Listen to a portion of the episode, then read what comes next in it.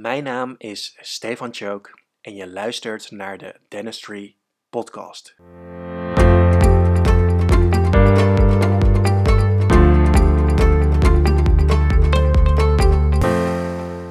Van harte welkom allemaal bij weer een nieuwe aflevering van de Dentistry Podcast. Dit keer heb ik tegenover mij Shanice Stam, co-founder en tevens een van de drijvende motoren achter Getting Control.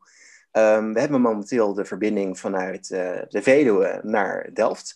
En ik ga samen met Janice terugblikken op het jaar 2020. Want wat heeft het jaar 2020 ons gebracht? En wat zijn onze plannen om het nog veel beter te gaan doen? Um, misschien even leuk om te vertellen. Uh, Janice en ik hebben elkaar ontmoet tijdens een uh, mastermind zomerdag afgelopen augustus of juli was het. Um, nou, daar zaten we elkaar in een mastermind groep en ik merkte ook gelijk aan haar dat het gewoon een hele ambitieuze jonge uh, onderneemster is. En uh, zodoende later weer, uh, nou ja, hebben we weer contact met elkaar gekregen. En uh, inmiddels zijn we elkaar spanningspartners. En nou, gewoon hartstikke leuk om te doen.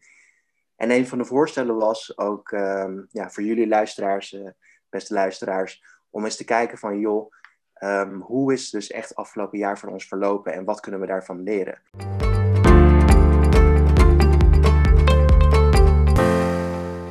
Dus ik ben super benieuwd, uh, Janice. Leuk dat je er bent. Ja, dank En uh, we, gaan lekker, uh, ja, we gaan lekker van start. Ben je er klaar voor? Ben je klaar voor de eerste vraag? Zeker, ik ben er klaar voor. en bedankt nou, Hartstikke benieuwd. Ja, 20 vragen. Dus nou, ik ben benieuwd hoe, hoe lang het gaat duren. Maar hier komt hij. Nummer 1. wat is de mooiste les die 2020 je heeft geleerd? de mooiste les die 2020 me heeft geleerd? nou, ik heb natuurlijk best wel veel lessen geleerd in 2020. Dus, maar wat is mijn mooiste les? Ik denk business-wise dat dat is um, de zin van where focus goes, energy flows. En dat heeft een beetje te maken met, weet je, bijvoorbeeld uh, als je positief denkt, krijg je positieve dingen op je pad. Als je negatief denkt, dan krijg je negatieve dingen op je pad. Ik denk dat de meeste mensen daar wel bewust van zijn, maar dit gaat zeg maar echt dieper in op mijn business. En ik wist het wel al, maar pas als je naartoe gaat passen, dan kom je er ineens achter hoeveel, dat het werkt. Dus dan pas je het eigenlijk echt toe en dan weet je het pas echt. En een voorbeeld is dat uh, ik had bijvoorbeeld mijn focus één maand heel erg op mijn inkomensdoel. En daar was ik elke dag mee bezig om dat uh, en te visualiseren dat ik dat inkomensdoel zou bereiken. En toen schoot ik er die maand ook dus ook echt ver overheen. En een andere maand was mijn focus weer geshift naar, uh, uh, oh shit, ik heb het zo druk. En, uh, en toen kreeg ik het dus ook heel erg druk en ook druk in mijn hoofd. En dat was wel even een eye-opener van mij, oké, weet je, mijn focus, waar mijn focus heen gaat, daar komen dus ook de dingen mee op mijn pad. En dat vond ik wel even een heel belangrijk inzicht. Als je snapt wat ik bedoel, in ieder geval. Ja, heel mooi. Heel, heel bewust gezegd ook. Uh, ja, heel erg leuk om te horen. En heel knap dat je dat zo uh, weet te duiden. Want ik, ik, ik hoorde de vraag, ik, ik hoorde mezelf de vraag oplezen. Ik dacht van ja, shit, wat is mijn mooiste les eigenlijk? Mm -hmm. Maar ik heb hem net bedacht.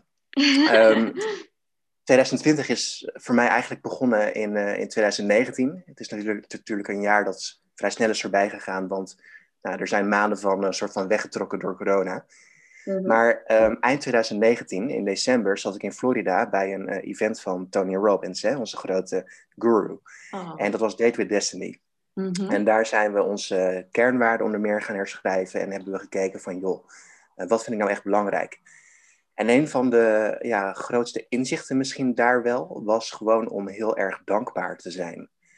En ondanks dat ik die les heb uh, opgedaan eind 2019, is dat wel een les die ik heel vaak ook naar mijn gevoel heb toegepast in 2020. Om ja. gewoon dankbaar te zijn voor wat je hebt. Want um, hey, je hoort vaak wel geklaag van mensen dat, hey, joh, uh, waarom ik, of, of waarom is dat nou weer niet op tijd? Waarom is mijn bol.com pakketje weer een dag te laat? Mm -hmm. Maar als je dat natuurlijk afzet tegen de mensen die nu in ziekenhuizen liggen en niet kunnen lopen, uh, maar ook mensen die ik ontmoette tijdens het seminar van Tony Robbins, van joh, um, mensen zonder armen en benen die toch nog het allermooiste van hun leven hebben gemaakt en nu duizenden andere mensen inspireren over de hele wereld. Of een, een blind persoon die dus niet kan zien, maar wel enorm uh, emotioneel verbonden is met alles wat er om haar heen gebeurt. En dat dus inderdaad jouw uh, beperking geen ja, beperking of disability hoeft te zijn voor jouw leven. Uh, wat, wat zou ik letterlijk zeiden, omdat ze dus fysiek beperkt waren, maar uh, your, your physical body doesn't have to put a limit on your happiness. Mm-hmm. En um, nou, een van die uh, twee, de, de man with no, no arms, no legs, dus echt ja. geen armen en geen benen, maar gewoon een stompje die als het ware hobbelt over de vloer. Nick Santonastesso, um, zijn leus is the biggest disability you can have is a bad mindset. En dat ja. is wel een hele mooie. Dus Janice, vraag 2. Ehm, wat was jouw beste beslissing van 2020? Mijn beste beslissing. Oh, dan moet ik even een mooi over jouw dankbaarheid heen komen. nee hoor. Heel mooi inzicht trouwens. Uh, dankbaarheid is volgens mij ook echt de hoogste ja, energie waar je in kan zitten. Heel mooi. Heel mooi inzicht. Uh, wat was mijn beste beslissing? Nou, ik denk dat toch mijn beste beslissing was dat uh, in maart uh, heb ik dus besloten om te stoppen met mijn uh, parttime baan en 100% voor Getting Control te gaan. Ik denk dat dat mijn beste beslissing was en waar ik ook nog gewoon geen spijt van heb. Gewoon volle focus op mijn eigen bedrijf en ja, echt mijn eigen, mijn eigen leven maken. Mijn mooiste leven creëren natuurlijk. dat is mijn, daarmee de bedoeling. En wat was jouw uh, beste beslissing geweest in 2020? Ja, nou deze is uh, erg leuk en wat concreter denk ik, hoewel erg leuk. Um, en dit heeft ook een beetje te maken weer met die zomerdag. En misschien uh, was het in die zin wel de beste beslissing om naar die zomerdag te gaan. Ja. Want als je natuurlijk ook kijkt naar beslissingen, is uiteindelijk een beslissing een gevolg van vele eerdere beslissingen die je hebt genomen. Zeker. Als ik niet naar die dag was gegaan, dan was dat waarschijnlijk niet gebeurd. Of veel later. Maar goed, ik geloof natuurlijk heel zweverig dat dingen zijn voorbestemd. Um, die dag hadden wij, uh, zaten we bij elkaar in een groep en hadden we een hele leuke begeleider, uh, Jeroen Lampen, een uh, business coach en een facilitator. Um, die is toen na afloop van de dag ja, ook naar mij toegekomen, ik heb begrepen. um, en nou ja, dat is dus, die is dus toen een tijdje later, zijn we dus in zee gegaan als, ja, hij zijn als business coach en ik als mentee. En dat heeft wel een enorme stroomversnelling in mijn hele uh, traject uh, teweeggebracht, business-wise uh, gezien. En um, mensen zeggen wel van ja, je hebt eigenlijk een coach nodig. Maar dan denk ik ook weer van ja, heb ik een coach nodig? Ik denk dat ik het allemaal wel weet. En ik heb al heel veel seminars gevolgd en al heel veel content geconsumeerd. Dus nou, laat mij maar even lekker gaan. Maar ja, ik merk aan hem heel erg, um, ten eerste hij houdt me scherp. hij houdt mij op het juiste pad met de juiste focus. Omdat, mm nou ja, misschien herken je het wel. Maar ik, ben, uh, ik kan vrij snel afgeleid zijn met duizend en één andere ondernemersideeën. uh, sommigen noemen dat ook wel het shiny object syndrome. Mhm.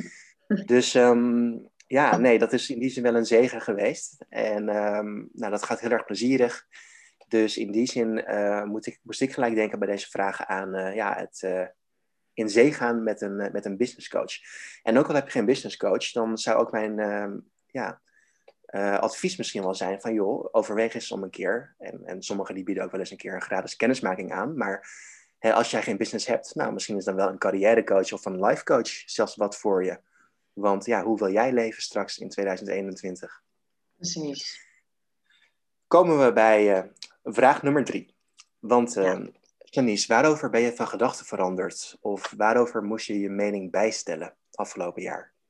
Um, heel eerlijk gezegd um, verander ik eigenlijk best wel vaak van mening. Het is niet dat ik heel koppig bij één mening blijf houden. Want uh, ja, je, als iemand gewoon met goede argumenten komt en weet je, je gaat ergens heen en je leert weer nieuwe dingen.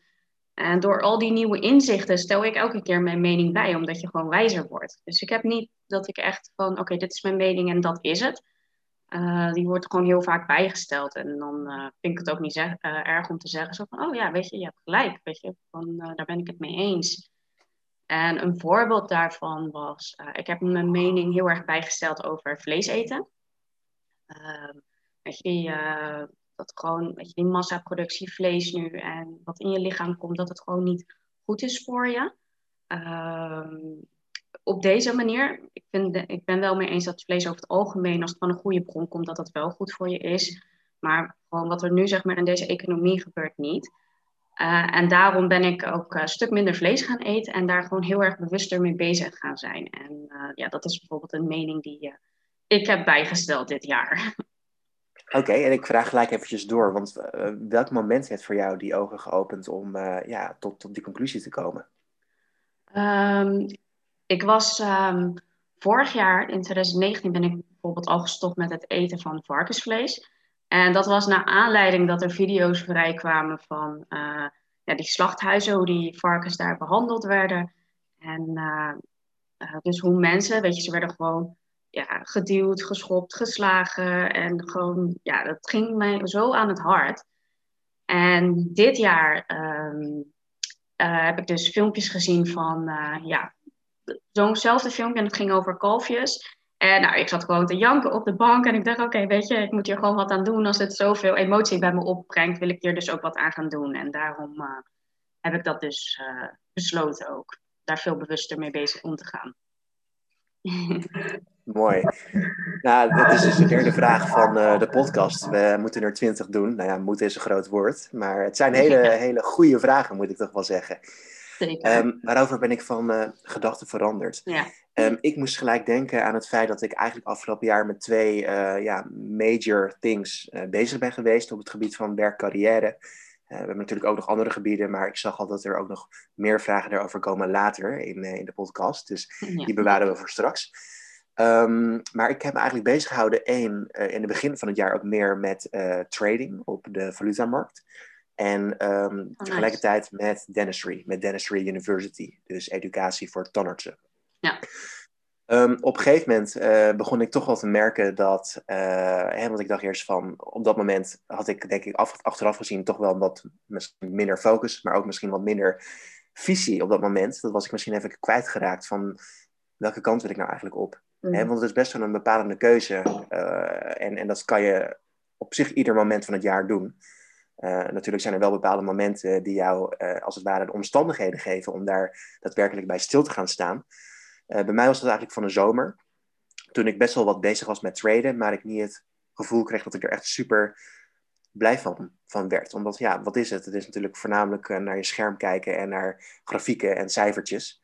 Ja, um, en, en ja, dat is natuurlijk niet per se de meest sociale activiteit, terwijl het juist vaak leuk is om ook met mensen bezig te zijn. Maar als ik ook verder keek, uh, want um, nou ja, een van die elementen van het traden was onder meer dat dat uh, bedrijf waar, uh, waar ik bij zit, dat is de IM Mastery Academy, voor sommigen misschien niet onbekend, waar ik heel positief over ben, maar wat ook een network marketing component bevat. En hè, sommige mensen zijn wat meer bezig met het netwerkgedeelte en sommigen wat meer met het gewoon trading gedeelte. Ja. ik merkte op een gegeven moment dat een aantal mensen nogal gefocust waren op dat ja, network marketing gedeelte. En op een gegeven moment begon bij mij dat kwartje steeds meer te vallen van ja, eigenlijk op het moment dat jij uh, netwerk marketing doet, en, en uh, begrijp me niet verkeerd, want het kan iets fantastisch zijn voor heel veel mensen. Uh, alleen als jij ergens het gevoel hebt dat jij gewoon een soort van, hè, klinkt misschien een beetje gek in die zin, maar voorbestemd bent voor, voor, ja, voor misschien wel meer, voor iets wat van jezelf is, ja. dan, dan ga je daar verder over nadenken. Uh, en wat Remco Klaassen zegt, hè, uh, als jij geen plan maakt voor je eigen leven, dan word je ingezet in uh, andermans plannen. En op een gegeven moment dacht ik echt van ja, goed, ik, ik, ik kan misschien wel willen gaan, gaan, gaan netwerken.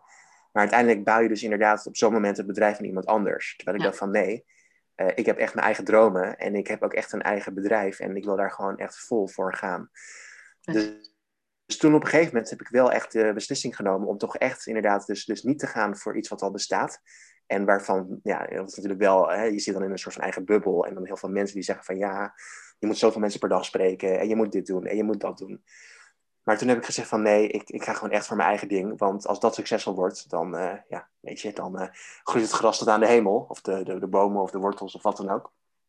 dus dat was ook wel een groot, uh, groot inzicht. En, en dat is misschien ja. ook wel in die zin een, een, een boodschap als je misschien het gevoel hebt van, joh, ik, ik doe nu weliswaar iets, maar ik heb nog niet het, echt het, die, die klik, dat gevoel dat, maar ja, mijn zone of genius noemen ze dat ook wel, uh, of, of, of zone of excellence, dus voor een deel. Mm-hmm. Van, uh, ik, ik ben niet op dat level bezig, of ik heb niet het gevoel dat ik daar nu bezig ben. Ik heb het idee dat ja, er misschien wel meer, ja, als het ware toch wel bestemd is voor mij. Nou, kijk dan wellicht verder e-, e-, echt naar je eigen dromen. Misschien al dromen die je zoals had als kind. Dus ja, zodoende. Precies, mooi. Ja, vraag nummer vier. We zitten al op een vijfde bijna. Ja.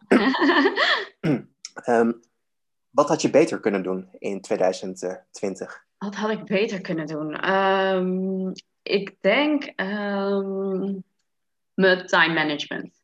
Uh, misschien is dat een, uh, een bekend probleem voor ondernemers, maar uh, te veel willen doen in een dag of te veel willen doen in een week en er dan niet aan toe komen en dan aan het eind denken, ah shit, weet je, ik moet nog zoveel doen of ik moet nog, ik heb zo weinig gedaan. Terwijl ja, je eigenlijk aan het einde van de dag moet, nou, moet kan kijken naar wat je allemaal wel gedaan hebt en wat je dus wel bereikt hebt die dag. dat had ik zeker, zeker beter kunnen doen om beter mijn time te managen.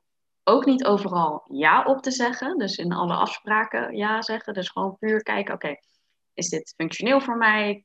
Komt dit mij uit? Ehm, dus je mag ook vaker nee zeggen.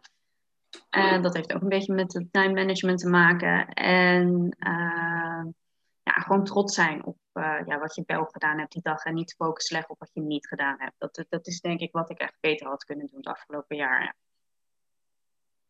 En hoe is dat voor jou? Nou, ik vind het wel heel, inter ik, ik vind het heel interessant, hè? want jij hebt het dus over nee zeggen. En um, dat is denk ik een onderwerp wat uh, in ieders leven wel een keer terugkomt. Want ja. hoe zeg je nou nee? Want ben jij dan niet steeds weer een beetje die saaierd van uh, de groep? Hoe ga jij daarmee om? En uh, heeft dat jou moeite gekost? Um, nou, heel eerlijk gezegd, in het begin zeker wel. Ik vond het heel erg lastig om nee te zeggen en inderdaad een beetje de partypooper te zijn in sommige dingen. Uh, maar toen kwam de corona. en dat was voor mij op dat geval eigenlijk een blessing. Omdat al, al je afspraken vervielen en iedereen mensen die bleven thuis. En het werd voor mij daardoor heel erg rustiger. En dan kon ik er ook meer op reflecteren en ik kon daardoor ook makkelijker nee zeggen. En ik ben uiteindelijk ook tot het inzicht gekomen van uh, uh, ja, mijn eigen doelen voorzetten. Want als, als ik heel vaak ja zeg op een afspraak waar ik nee op wil zeggen, laat ik anderen voorgaan op mijn eigen behoeftes. En dat ben ik gaan switchen. Ik ben mijn eigen behoeftes belangrijker gaan vinden dan die van iemand anders. Dus heb ik echt een afspraak met, met, je, met iemand. Dus uh, ja, nu die, deze afspraak met jou doe ik omdat ik dat ook gewoon echt oprecht heel erg leuk vind en dat ook wil doen. En, uh, um, dus ja, daar ben ik nu heel erg, zeker ook omdat ik het onwijs druk ben, heb ik, ben ik ook wel echt mijn tijd aan het beschermen daarin. Ik voel me vereerd. Ja, hartstikke leuk. Nou, maar inderdaad, hè, wat ze zeggen van uh, elke nee tegen een ander is een ja tegen jezelf. Precies, ja. En afhankelijk van de situatie, elke ja tegen een ander is een nee tegen jezelf. Dus wees je ervan bewust. Ja, heel, uh, heel mooi dat, dat je dit aandraagt. um, ja, wat had ik beter kunnen doen? Nou ja, ten eerste uh, hetgeen wat ik al noemde bij de vorige vraag. Hè? Dus ja, ga gewoon echt voor je eigen dromen. Bouw je eigen huis. Ga niet per se in het huis van een ander wonen. Precies, Hoewel. Ja. um, nou ja, jij noemde dus dat stukje over, uh, het ligt een beetje in de categorie van dat, dat focus en productiviteit. Ja. Um, ik zelf, als ik kijk naar mezelf en waar ik af en toe nog steeds moeite mee heb, maar ja, waar ik op de korte termijn vaak wel heel veel plezier in heb, maar op de lange termijn spijt van heb, is het laat naar bed gaan. Want um, ja, in, in de moment dan uh, ben je vaak nog bezig met, uh, nou in mijn geval, uh, langs Instagram scrollen. En in mijn geval gelukkig vaak wel toch wel langs inspirerende personen. Dus dan leer je nog, er nog wel vaak wat van, in plaats van dat, dat je alleen maar de kat ziet van je vrienden en vriendinnen, zeg maar. Ja. Hoewel dat misschien ook wel leerzaam kan zijn. Um, maar ja, dat noemen ze dus ook wel instant gratification over delayed gratification. Hè, dus kies je voor korte termijn pleasure of kies je voor iets langere termijn pleasure? Wat dus... uiteindelijk wat meer oplevert. Hè? Dus ja, goed, eh, dan ga ik weer nog, uh, ja, afgelopen tijd zeker ben ik regelmatig gaan slapen na twaalf. Um, en dat is voor je ritme niet per se altijd uh, aan te raden. En dan, ja, dan, dan ja, kost het je soms gewoon wel wat meer moeite de volgende dag om uh, de focus te pakken. Ja. En misschien om je energielevel wat, wat beter te houden. Um, Slaap je dus... dan ook daadwerkelijk minder of pak je wel je acht uur slaap en sta je dan wat later um, op? nou, dat is dus het voordeel van je eigen tijd kunnen indelen. Ik sta mhm. dus dan ook wat later op. Ik ga dan eerst sporten vaak. En ik weet niet of er ook een vraag tussen zit van ochtend- en avondrituelen. Maar dat is ook nog misschien wel interessant voor, uh, voor deze aflevering. Ja. Uh, maar daar kunnen we het later over hebben. Uh, ja, dus zeer zeker. Um, nou, dat zal dan misschien toch wel mijn eerste goede voornemen zijn. En ik weet niet of dat gaat lukken al vanavond op Oudejaarsdag. Dat ik wel voor 12 in bed lig. Ik vermoed van niet. Maar misschien dat het wel lukt voor, uh, voor, voor morgenavond. En af en toe mag ik natuurlijk ook wel genieten. En nou, weet je, ik zal natuurlijk ook wel blij zijn op het moment dat corona voorbij is. En dat we weer een keer een feestje of wat dan ook mogen pakken. Om dan af en toe toch een beetje, ja, alles wat in het licht verboden is, te mogen doen in het donker. Um, ja, dus ja, dat, dat, is op dit moment het eerste wat uh, op die manier me opkomt. Ook mede naar aanleiding van, uh, van jouw vraag. Ja. Uh, maar goed, we zijn nog niet op in die zin, wat ik al zie, het, het grote ehm, summum van, van deze vragenserie. Want deze vraag gaat nog een stapje verder. Ja. Nummer vijf, Janice. waar heb je spijt van? Waar heb ik spijt van? Um, eigenlijk heb ik nergens spijt van vind uh, spijt iets negatiefs eigenlijk. Want dan uh, heb je spijt van een beslissing die je hebt gemaakt. En ik heb het afgelopen jaar alles wat ik doe, alles de beslissingen die ik heb gemaakt, die heb ik op dat moment uh, goed overwogen. En ook op gevoel. Op dat moment was mijn gevoel gewoon op dat moment goed. Oké, dit moet ik doen. En die keuzes ook gemaakt. Dus nee, eigenlijk kan ik niet zeggen dat ik ergens spijt van heb. Um, want ik geloof echt wel in dat je, weet je, alles gebeurt inderdaad om een reden. En als je die keuze hebt gemaakt, er is gewoon een weg voor je uitgestippeld. En die keuze is op dat moment gewoon echt wat je hebt moeten doorlopen. Wellicht dat je die keuze nog een ander moment maakt, maar dan doe je dat pas als je er klaar voor bent. Dus ik geloof daar ook gewoon echt in. Had ik dingen beter kunnen doen? Zeker wel. Want eh, uiteraard moet je overal van leren. Maar uh, zelfs fouten die ik heb gemaakt, daar heb ik geen spijt van. Want dat zijn gewoon echt hele goede leermomenten geweest. En die ik ook op dat moment ook gewoon echt nodig heb gehad. Dus, dus nee, geen spijt. Hoe zit dat bij jou? Nou, dat is nog wel leuk. Voordat ik uh, verder ga. Um, als je kijkt naar het naar je hele leven in plaats van alleen het afgelopen jaar. Um, ja. Kan je dan zeggen dat je misschien ergens spijt van hebt. Hè? Maar dat is wel eens zo'n vraag van, als je weer je leven opnieuw zou mogen doen, zou je dan weer uh, hetzelfde doen allemaal? Of zou je toch bepaalde dingen anders aanpakken? Uh, Hoe kijk jij daarnaar? Uh, dat is een goede. Um, ja, ik, um, ja, heel vaak op sommige momenten, als het gebeurt, als het je gebeurt, dan, dan denk je wel van, ah shit, weet je, ik had een, echt een andere keuze moeten maken. En uh, ik had dit moeten doen, ik had zus moeten doen. Maar uiteindelijk ben ik er op de lange termijn achter gekomen waarom mij sommige dingen gebeurd zijn.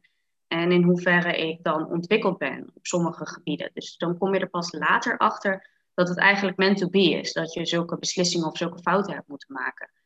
En dus als ik inderdaad nu terugkijk, uh, ik denk alles wat ik heb meegemaakt en waar ik nu sta, uh, ja, dat, dat had zo moeten zijn.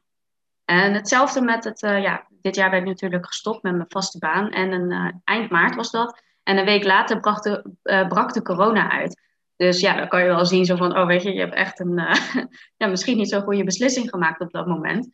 Maar ik dacht, weet je, het is gewoon meant to be. Het hoort zo en dit is, dit is mijn weg. En ja, en ik leef nog steeds. dus, ja, dat klinkt natuurlijk bijna helemaal als burn your boats, hè? Van quit with your job en, uh, en, en ga lekker zelf doen. En vervolgens bleek, breekt er een wereldwijde pandemie uit. Precies, ja. dus zeker in het begin, het was wel even, ja, het, het, is even wikkelen. Maar ja, dat hoort ook gewoon bij je ondernemersreis. En, nee, ik heb ook besloten, ik heb, als ik een beslissing maak, sta ik 100% achter en achteraf geen spijt hebben. Dat, dat is ook iets wat ik dit jaar inderdaad ook wel geleerd heb snel beslissingen maken en er dan ook gewoon voor, voor gaan. Geen, geen uh, hoe zeg je dat, niet over twijfelen. En uh, ja. ja Dank je. Dit is een vraag die ik ook gisteren uh, in een andere podcast met Mark Tissink ehm, een soort van kort heb behandeld. En ik moest gelijk nadenken van ja, hè, wat had ik zelf misschien anders willen doen of waar heb ik spijt van? Ja. Ehm, wat je zegt, ik geloof heel erg dat uh, dingen ja, naar je toe komen wanneer dat je toekomst.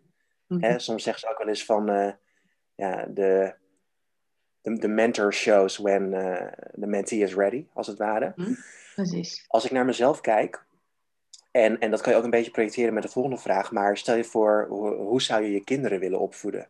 Mhm. Als je ook kijkt naar je hele leven van... Ja, hè, wat, wat van wat, jij hebt geleerd en ook waarmee je dan terugreflecteert. Um, ja, wat, wat zou jij dan op die manier naar je kinderen uh, willen brengen en willen meegeven? En als Ja. er één ding is waarvan ik dan nu zeg van... Oké, als ik mijn leven opnieuw zou mogen doen en ik zou dat anders doen... Mhm. dan zou ik eerder zijn begonnen met eh, persoonlijke ontwikkeling. Met, Ja. eh, met Tony Robbins, met al die seminars. Want Mhm. dat zijn allemaal dingen die je niet op school leert.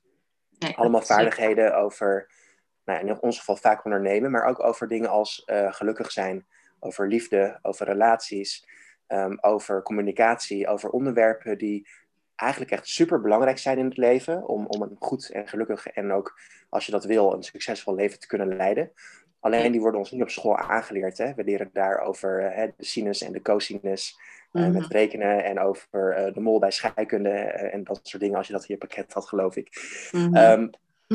Dus, ehm, ja, dat is dan misschien op dit moment concreet hetgeen, niet dus waar ik spijt van heb, maar wat ik wel anders zou aanpakken als ik, ja, als ik dat weer, ja, als ik weer het voor het kiezen zou hebben. En Ja. misschien in het verlengen daarvan, Janice, als jij je leven weer opnieuw zou mogen doen, wat zou jij dan gaan studeren? Of zou je überhaupt gaan studeren? Eh, wat zou je worden? Ja, die, die vraag heb ik me inderdaad ook wel inderdaad gesteld. Want eh, ik heb een HBO-diploma in International Business and Management. En dat heeft eh, in principe niks te maken met het vak wat ik doe. Want ik bouw websites en webshops. Maar natuurlijk, het is wel handig voor mijn onderneming. Maar verder ja, kan ik niet echt zeggen dat ik wat gehad heb aan mijn opleiding. Dus eh, ik, zei, ik zei wel eens soms voor de grap, eh, ja, zal ik mijn op, eh, diploma op marktplaats zetten met je HBO-diploma te kopen. maar ehm, ja, ik heb daar wel eens inderdaad over nagedacht van wat nou als ik niet was gaan studeren en gewoon gelijk voor mijn bedrijf was gegaan. Daar, ehm, en dan, ja, hoe ver ik dan misschien nu zou zijn erin. Ehm, ja, en toch, toch denk ik dat, ehm, ja, bijvoorbeeld, ehm, als ik niet was gaan studeren, was ik ook nooit gaan reizen. Ik heb bijvoorbeeld door mijn studie heb ik acht maanden in China gezeten. Ik ben daardoor ook gaan reizen. En ik heb tijdens die reizen zo verschrikkelijk veel geleerd. Zoveel, eh, zoveel meer dankbaarheid ook gecreëerd. Want je hebt zoveel dingen in Nederland zijn zo goed geregeld. Die ja, in China daar gewoon ja, dat dat gewoon niet zo is. Weet je? En ook de druktes. En daardoor ben ik ook heel erg dankbaar geworden van ja, hoe goed dingen in Nederland geregeld zijn. En ook heel erg dankbaar voor eh, het eten wat wij kunnen kopen. En ja, dat zou ik dus allemaal niet hebben meegemaakt als ik niet was gaan studeren. En ehm, dus daarom denk ik ook van als ik mijn leven opnieuw zou moeten doen, zou ik het gewoon laten lopen zoals het, zoals zou moeten lopen, mijn leven. En ik ben dus ook gewoon, on- ja, wat je zegt, ook heel erg dankbaar voor alle ervaringen die ik heb geleerd. En ehm, ik denk ook, als ik was, eh, als ik wel, als ik mijn opleiding niet had gedaan, was ik ook nog niet zo ver in mijn persoonlijke ontwikkeling geweest. En dan had ik het waarschijnlijk niet gered met mijn bedrijf. Dus ik denk dat het gewoon, het was gewoon nu precies de goede tijd om voor mijn bedrijf te gaan. Dat, eh, Awesome, awesome. Ja, superleuk. ja. Even kijken. Ehm, laten we doorgaan naar vraag nummer ehm, zes. Namelijk, eh, wat had je wel willen doen, maar heb je niet gedaan? Afgelopen jaar reizen natuurlijk. het, Ja. het is mijn droom om eh, ja, een, eh, een minimaal een jaar de digital nomad lifestyle te leven. Het liefst zo snel mogelijk dan later. Eh, nou ja, door de pandemie kon je natuurlijk niet reizen, dus dat misschien. En wat had ik verder willen doen, wat ik niet heb gedaan? Ehm, ik heb echt, echt best wel veel gedaan dit jaar. Dus ehm, Nee, dan zou ik, behalve reizen, dat is het echt, ja. en dat geldt waarschijnlijk voor uh, eh, 90% van de mensen nu op deze wereld. Of land. Ja, dat was ook inderdaad uh, mijn eerste gut feeling. Mm. Uh, het, het, reizen en in het bijzonder uh, ja, toch wel de, de zomervakantie en de wintervakantie, zoals ik zo vaak gewend ben. Mm. Zomers dan ga ik vaak met mijn ouders en mijn broertje ja, naar een land. Mm -hmm. En dat is altijd superleuk. Het is natuurlijk heel erg vertrouwd, want we doen het al ja, sinds kleins af aan. Oh. En altijd met alle lol en grappen van dien. En -hmm. ja, die mhm. mooie, ja, dierbare, in die zin ook wel magische momenten die je dan opdoet.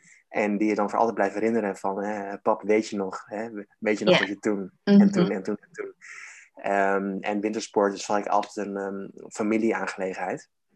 Um, dus dan gaan we met z'n allen in een huisje of in meerdere huisjes. Uh, oh, Wintersport. En uh, ja, natuurlijk ook super dankbaar voor, want dat is echt niet vanzelfsprekend voor heel veel mensen.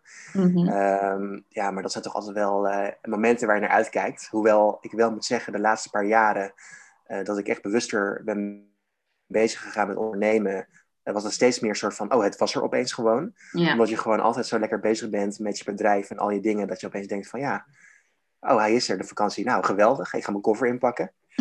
um, anderzijds werd ik ook getriggerd, want ja, reizen ligt natuurlijk voor de hand uh, in die zin.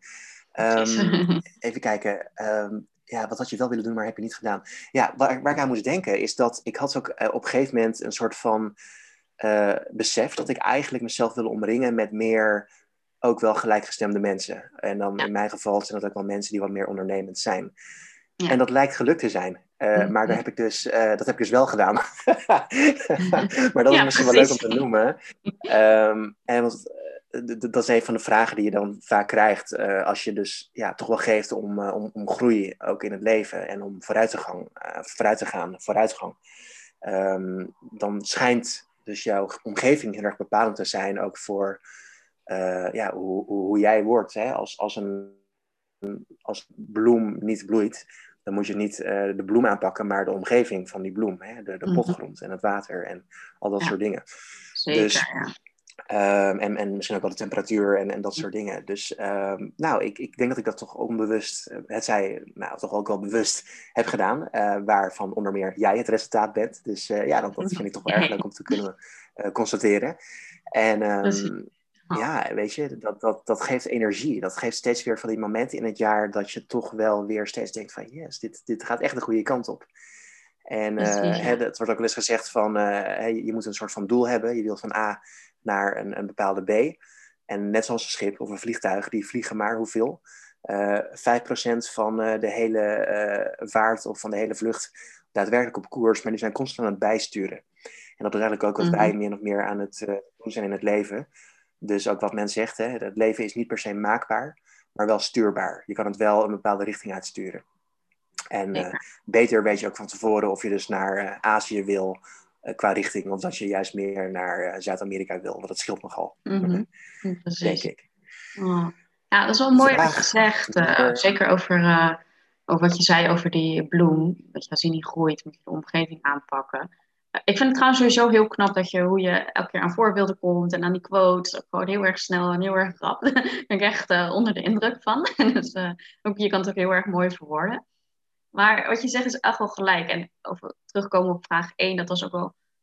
was niet mijn grootste les dit jaar, maar mijn grootste les uit 2019. Dat je inderdaad, uh, je, je mag uitkiezen met wie je omgaat. Dus, uh, dus als jij inderdaad iemand hebt in je omgeving die jou onwijs heel veel energie kost, mag jij op dat moment besluiten: oké, ik wil jou niet meer uh, om me heen hebben. Je hoeft niet per se uit je leven te bannen, maar niet meer in je peergroep te hebben in ieder geval.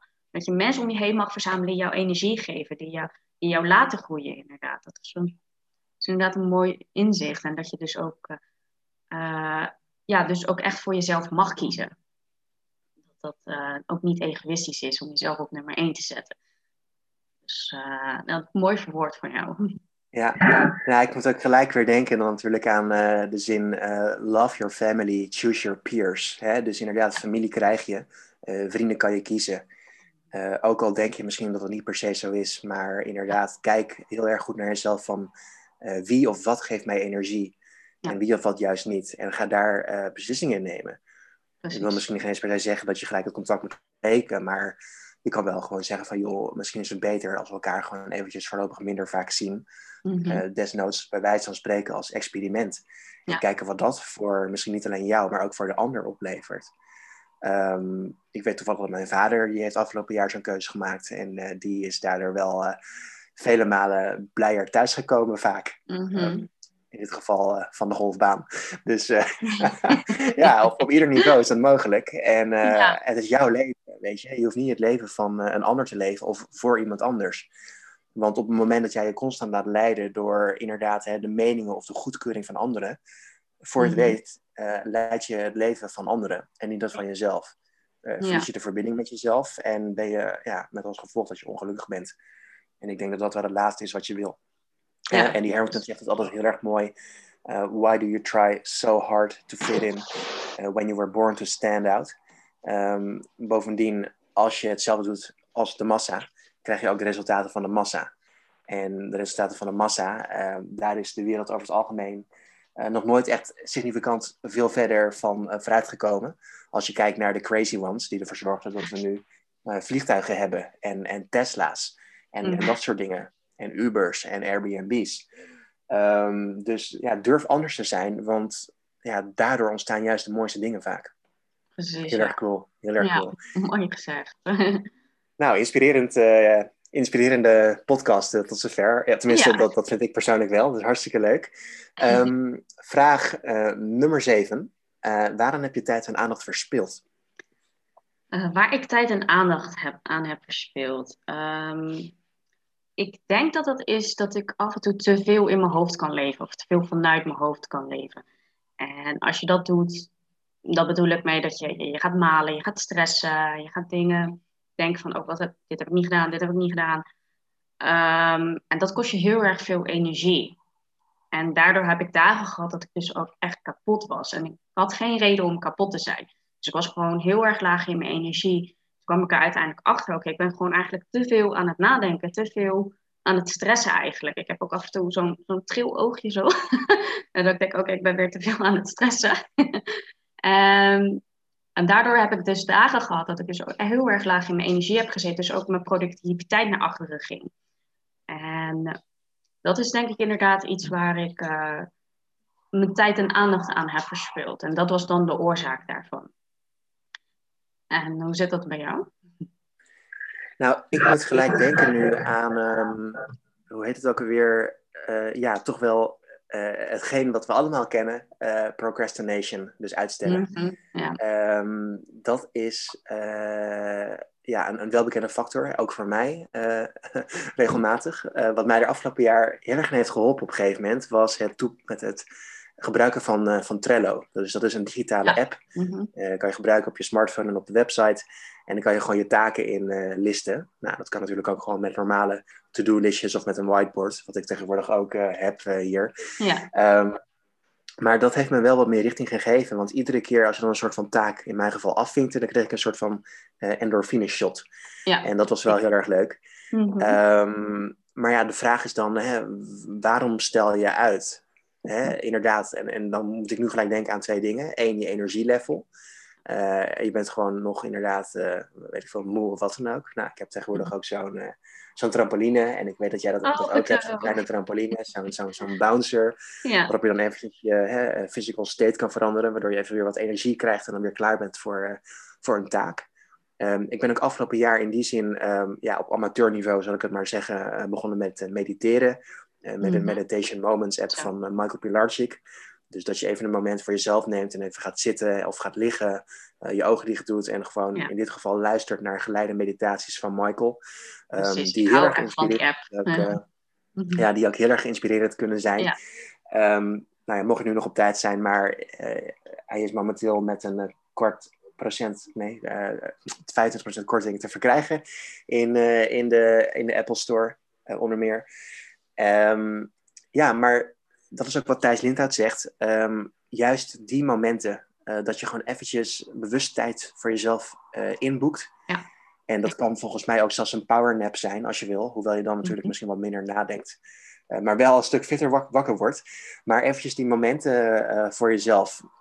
ook op het moment dat je misschien net tussen twee afspraken door even in de auto zit. Hè, even tien minuutjes voor jezelf, even intunen bij jezelf. ontspannen, even goed voelen.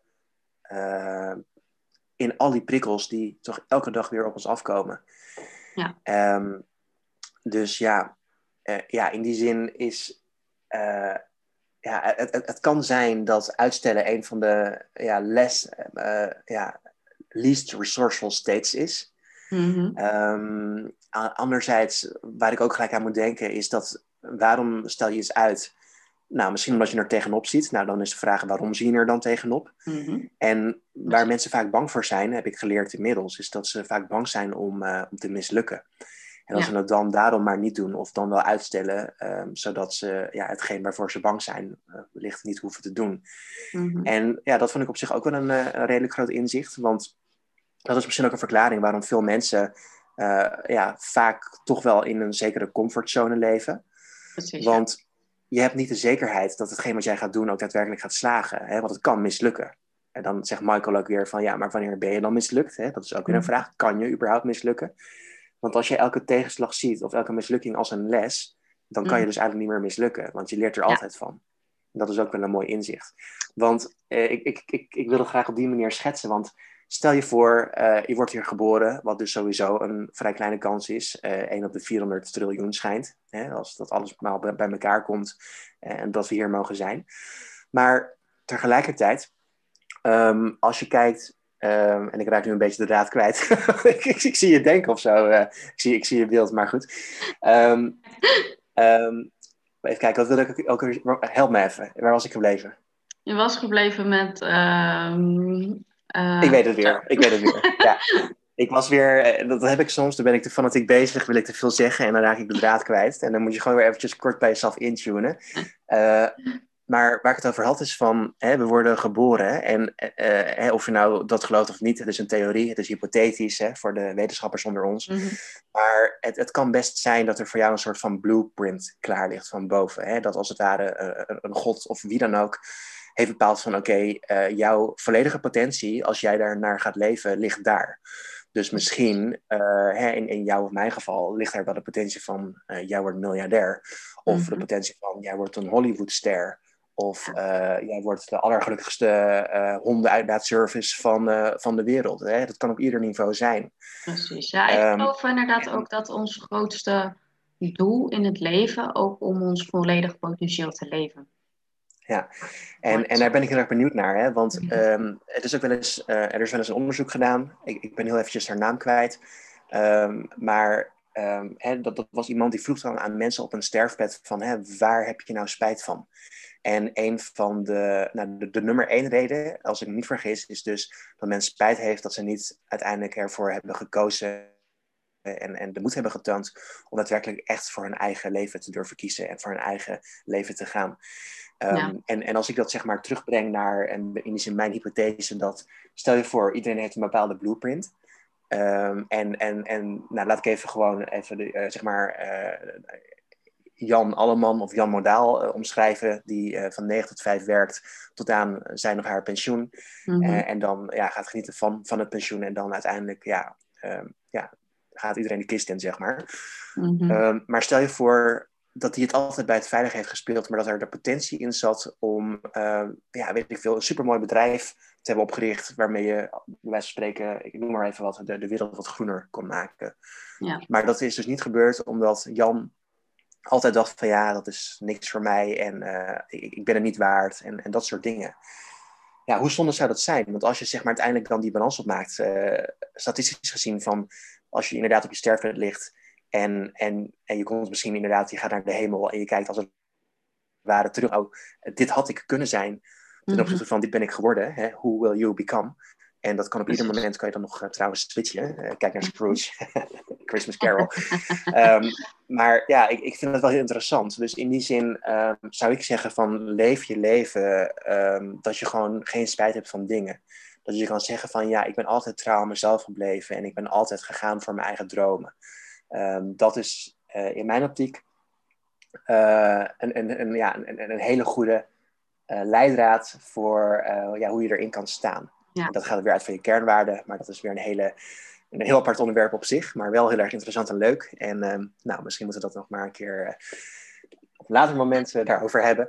maar ja. ja. voor nu wilde ik dit wel eventjes delen. Ehm, ook ook even als laatste, en dan geef ik weer de beurt aan jou met de volgende vraag. Maar ik schets het ook wel eens als hè, je verschillende maten van comfortzones, als het ware, mhm. waarin je leeft. Um, nou, sommige, nou, er is een, een, een, een schrijver, een, een, auteur, een expert, die heet, uh, zijn naam is uh, Gay, dat is echt zijn naam, Hendrix. En hij heeft het over de vier zones, namelijk over de zone of incompetence. Hè, dus dat je eigenlijk, ja, ja, niet echt per se iets geweldig doet. dan vervolgens de zone of competence, waarin schijnbaar het grootste gedeelte van de wereld leeft. Mhm. En waarin je dus gewoon doet waar je goed in bent. Ja. vervolgens heb je de zone of excellence. Dus echt een zone waarin je excelleert. Maar dan heb je ook nog een zone of genius. En dan hm. sta je dus echt in volledige verbinding ook met hetgeen uh, waarvoor je eigenlijk min of meer uh, hier op aarde bent. Ja. Um, kom ik dan toch weer ook weer bij een van mijn uh, favoriete quotes van een Japanner, Daisaku Ikeda. Die zegt, the reason that we have been born into this world means that we each have a unique purpose to fulfill. And if we didn't, uh, we would not have been born. Uh, en ik vergelijk het dan met het volgende. Um, hè, want je kan op ieder niveau eigenlijk wel gelukkig zijn, uh, denk ik. Maar stel je voor, uh, stel je eventjes, hè, visualiseer, je woont in Oostenrijk en je hebt zeg maar de berg van de Alpen om je heen.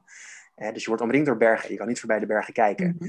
Maar als je dan vervolgens wel besluit om die bergen te gaan beklimmen, dan kom je weer in een geheel nieuw land, als het ware. Mhm.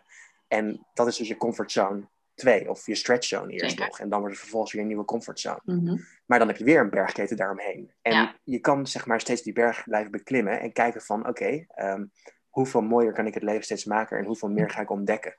Uh, dat is een soort van metafoor die, uh, die ik altijd wel leuk vond. En de vraag is van, ja, blijf jij uh, je hele leven lang in Oostenrijk wonen? Of ga je ook nog naar Zwitserland en vervolgens naar Frankrijk en steeds mm verder tot in, in Amerika of misschien op een gegeven moment zelfs wel de ruimte in met, met Elon Musk. Wie overigens ook weer natuurlijk een drop-out is. Want uh, ja, we hadden het over studies en over het nieuw kiezen van een studie. Maar als je kijkt naar uh, ja, de Crazy Ones, en Richard Branson en ik geloof zelfs een Bill Gates en zo. Colonel Sanders van Kentucky Fried Chicken. Dat zijn allemaal mensen die, um, ja, die allemaal drop-out zijn van, van school.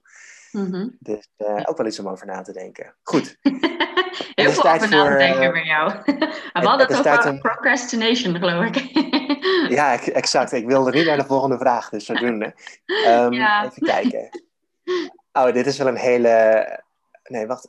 Uh, we... Was het vraag 7 of vraag 8 waar we waren? Uh, nee, volgens mij uh, waren we vraag 8 pas. Oké, oké, oké. Shanice, waarom had jij meer tijd en aandacht willen besteden?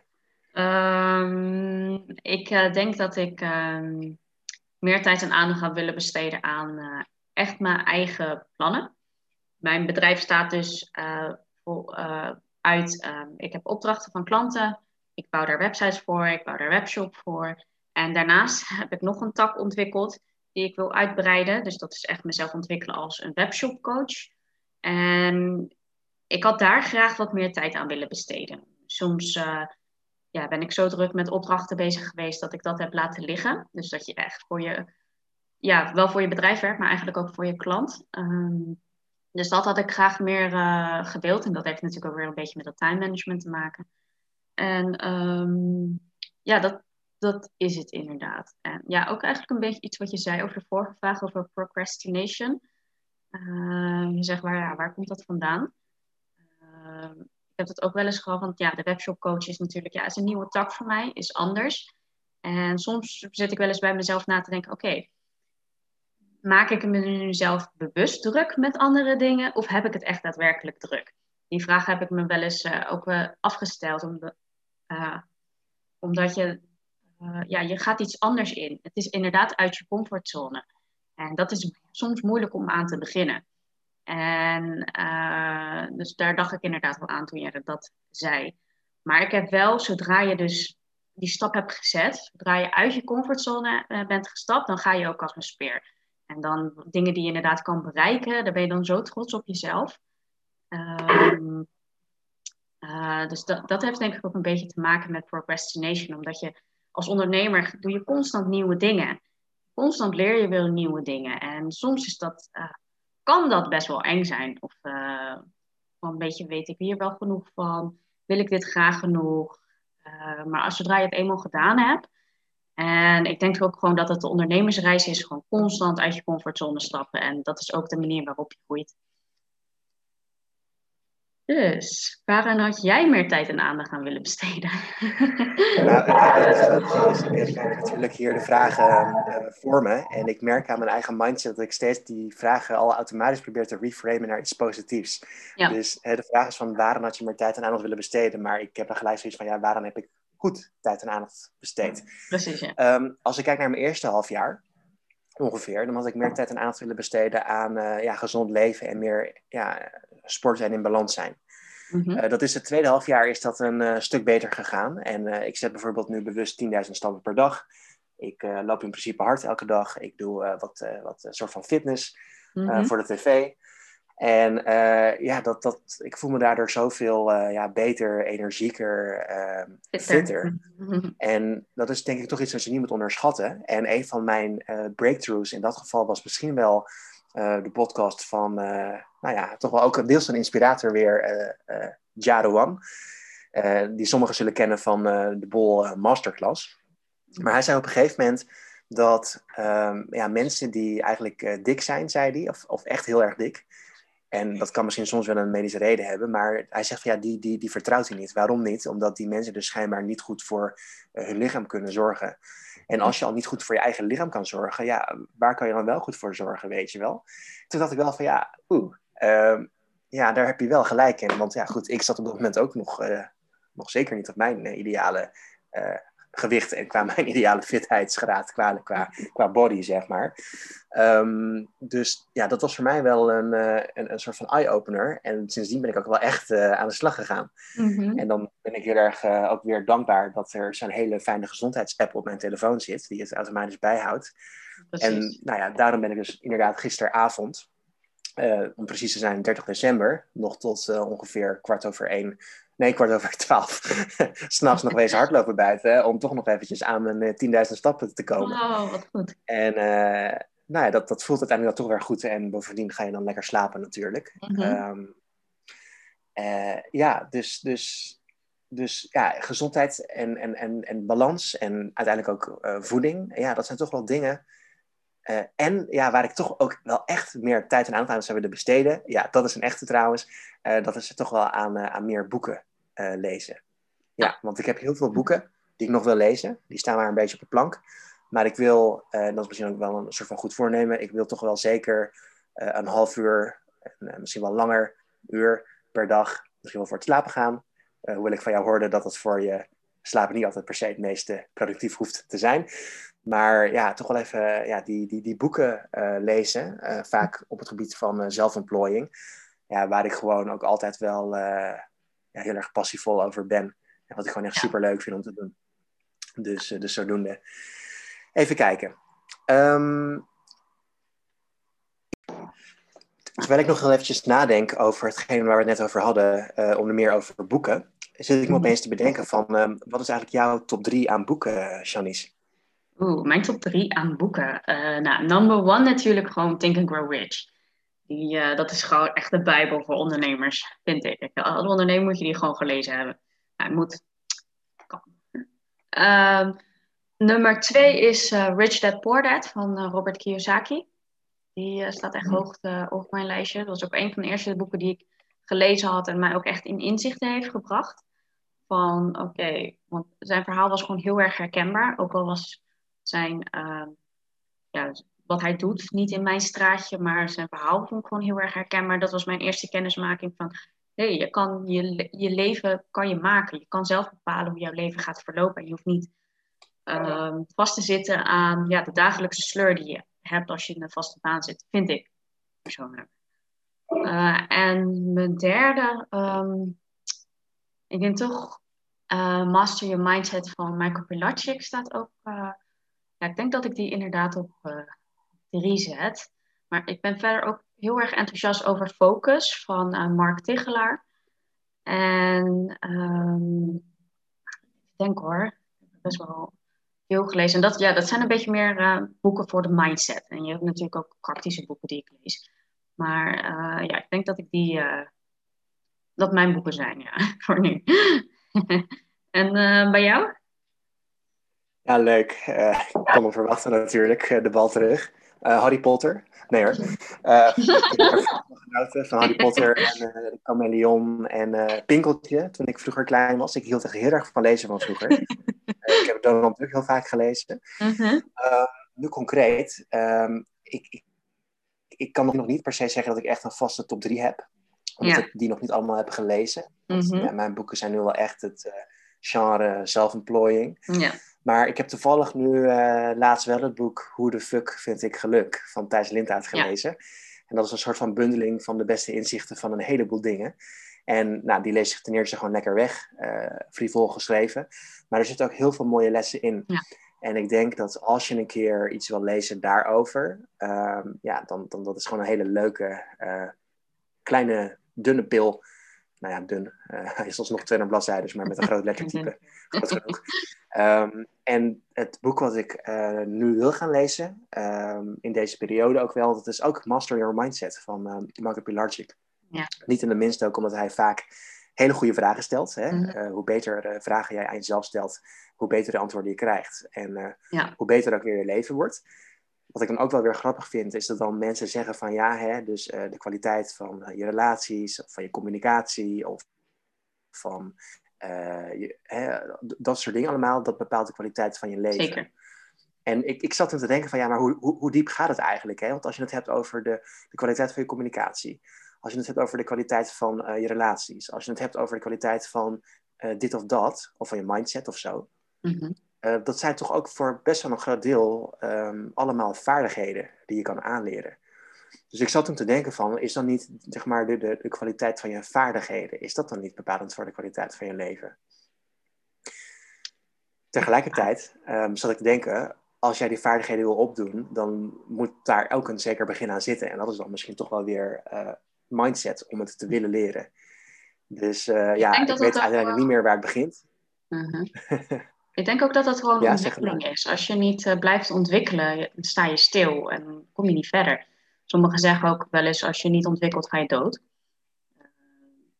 En, en dat is denk ik ook, ja, hoe meer je ontwikkelt, hoe meer vaardigheden je creëert, hoe verder je in het leven komt. En ik denk dat dat uh, ja, bijna een, een, prioriteit is om in leven te blijven, om jezelf te blijven ontwikkelen en om, om door te gaan, om skills te blijven ja, vaardigheden blijven te ontwikkelen. En ja, ik denk dat dat, uh, ja, dat, dat dat een manier is ook om, uh, uh, ja, dat, dat, dat het bij het leven hoort.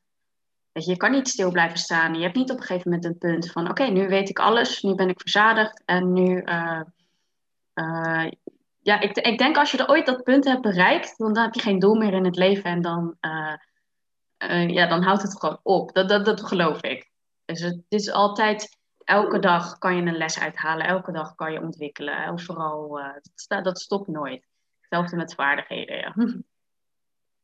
Ik vind het zo leuk, hè? want alles wat jij zegt, of wat überhaupt hier aan bod komt in deze podcast, dan ja, krijg ik natuurlijk weer duizend en één nieuwe uh, dingen in me, die ik allemaal wil zeggen. Um, in dit geval moest ik denken weer aan de zin wat wel eens wordt gezegd van, hè, um, leef je om te werken of werk je om te leven? Dat vond ik wel heel interessant, want ik ging te nadenken van, um, leef ik om te werken? Mm, nee, ik denk niet dat het zo zou moeten zijn. Nee. Werk ik om te leven? Um, ja, ook. Maar tegelijkertijd dacht ik van, toen dacht ik op een gegeven moment van, weet je wat? Ik maak er gewoon mijn eigen variant van. Mm -hmm. um, als ik werk, dan leef ik. Ja. En als ik niet werk, dan leef ik ook. Ik denk dat dat misschien wel... Uh, misschien nog wat beter is. Want op het moment dat werk uh, je passie is, uh, of je het gewoon super leuk vindt, ja, dan, dan, dan leef je ook, denk ik. En het ja. is toch zeker uh, vaak wel een derde van, van je dag. En dus ook uiteindelijk een derde van je leven ongeveer. Zeker. Um, en, en, en, hoe weet je, je dat dan af? Ook, dat, dat je inderdaad echt dan, dat, dat je werk je passie ook is. En ik denk dat het zodra het gaat spelen van je werkt om te leven of wat dan ook, is heel vaak als je uh, ja, in dienst bent bij iemand. Je werkt eigenlijk voor iemand, voor iemand anders. En dat doet me dan ook, uh, dat las ik laatst ook op internet, uh, een quote van, volgens mij was het Elon Musk. En vind me niet vast van um, dat, de correctie van de quote, maar het was iets zo van: I, rather, I rather work 24 hours for my own company than 8 hours for someone else. En dat bleef zo hangen. En ik dacht, ja, dat is wel echt zo. Want als ik inderdaad in mijn eigen bedrijf werk, heb ik ook niet het gevoel dat ik. Uh, uh, dat ik echt keihard aan het werk ben. Het is gewoon, je doet het echt puur voor jezelf en je vindt het leuk om te doen. Ja, ja 100 procent. Ik, um, ik, ik, kan het alleen maar beamen, inderdaad. En, mm -hmm. um, inderdaad, wel, hè, wat je van vaak ziet van uh, mensen die kijken dan uit naar de vrijdag en dan is er weer weekend. Uh, en, en zodra dan, ja, zaterdag is, denken ze wel weer van ja, shit, het is morgen zondag en maandag moet ik weer werken.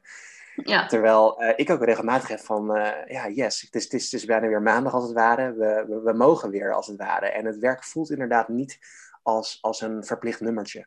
En bovendien, je bent ook je eigen baas, dus je kan ook zelf bepalen van wat er nodig is en wat er allemaal mag. Ja. Uh, en je hebt geen een manager nodig. Nou managers hoeven niet raar te zijn. Maar je hoeft ook verder niemand hoeft in principe nergens in te likken of, of dan wel naar, naar beneden te trappen, wat ik sowieso een slechte eigenschap zou vinden. Mm -hmm. maar hoe ik het ook, of wat men zegt van hoe je het ook wel kan afmeten, is het werk wat je nu doet. Zou je dat ook gratis willen doen? Zou je dat ook, uh, ja, weet je, willen doen zonder dat je ervoor wordt betaald? En uh, nou, in mijn geval is dat eigenlijk uh, zo. En zeker voor de startende ondernemer. Mm -hmm. um, ja, er hoeft natuurlijk niet gelijk geld op de plank. nou, liefst wel, maar dat hoeft niet per se. als je er maar energie van krijgt en dat je maar waarde levert aan, eh, aan je klanten, ja. dan komt dat geld vanzelf wel. Zeker. Als je maar uh, creatief genoeg bent. Mm -hmm.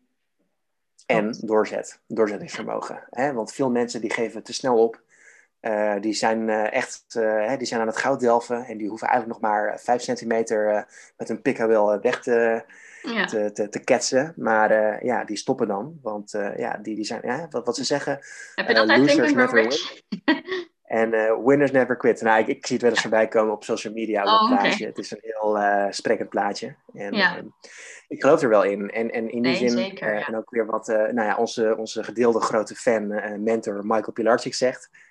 misschien ook wel leuk om gelijk te vermelden, want deze 20 vragen die komen dus van Michael Pilarczyk en zijn partner, vriendin, uh, Cindy Koeman. Mm -hmm. En uh, nou ja, Janice en ik gaan samen het uh, Leef je mooiste leven jaarprogramma 2020 volgen. Dus ook ja, hartstikke super. leuk om te doen. Um, ja, dus op die manier um, heb ik nou al mijn punt gemaakt van Michael. Ik was weer aan het afdwalen. Ja. Dat gebeurt in je enthousiasme. Um, ja, wat, wat je zei doet me heel erg aan denken wat een quote wat Tony Robbins heeft gezegd. ik weet hem niet meer precies uit mijn hoofd, maar het ging eigenlijk zo van Um, je hebt niet gefaald op het moment dat je faalt. Je hebt pas gefaald op het moment dat je stopt. So you only fail when you quit. En dat ja, heeft met doorzettingsvermogen te maken. Ja. Ja, ja, nu weet ik hem weer. Ik, ik raak weer in verbinding met mezelf. Maar inderdaad, um, Michael die heeft het erover uh, dat hij no nooit verliest. Omdat hij nooit opgeeft. Ja, en, en zo simpel kan het ook bijna zijn. Hè? Uh, want, want talent, nou goed, dat, dat, dat heb je waarschijnlijk ook wel voor een deel. Maar een heel groot deel is ook gewoon uh, hard werken. En vergis je niet, met alle succesvolle mensen, uh, zelfs zo'n Kendall, Kim Kardashian, Jenners, die hebben ook best wel hard gewerkt toch voor hun succes, schijnt. aan de andere kant, als je natuurlijk kijkt naar ehm, bijvoorbeeld Robin Williams, Mhm. En iedereen hield van hem. Uh, maar hij heeft uiteindelijk uh, zelf besloten om een einde aan zijn leven te maken. Dat ja, succes uh, zonder het gevoel van voldoening juist averechts kan werken. Hè? Success without fulfillment is the ultimate failure. Klopt. En dat kan je ook wel eens krijgen als je constant maar bezig bent om er te zijn voor anderen, ja. maar niet voor jezelf. En het schijnt zo te zijn dat de enige vorm van liefde is, is, is, is zelfliefde, wordt door sommigen gezegd. Ja. En pas op het moment dat dat goed zit, kan je ook daadwerkelijk in, die zin de, de liefde uh, aan anderen geven in die zin. Maar wat men ook zegt, anderen eraan herinneren aan de liefde die in hen zit. Dus um, ja, dat, dat is wel belangrijk om uh, erbij te vermelden dat succes dus zeker niet uh, de, de, de factor is voor een gelukkig leven. Mm -hmm. uh, maar misschien juist wel andersom, dat, dat geluk, het, het ervaren van geluk en wat denk ik ook voor een groot deel in verbinding staat met uh, een stukje vooruitgang altijd, een stukje groei.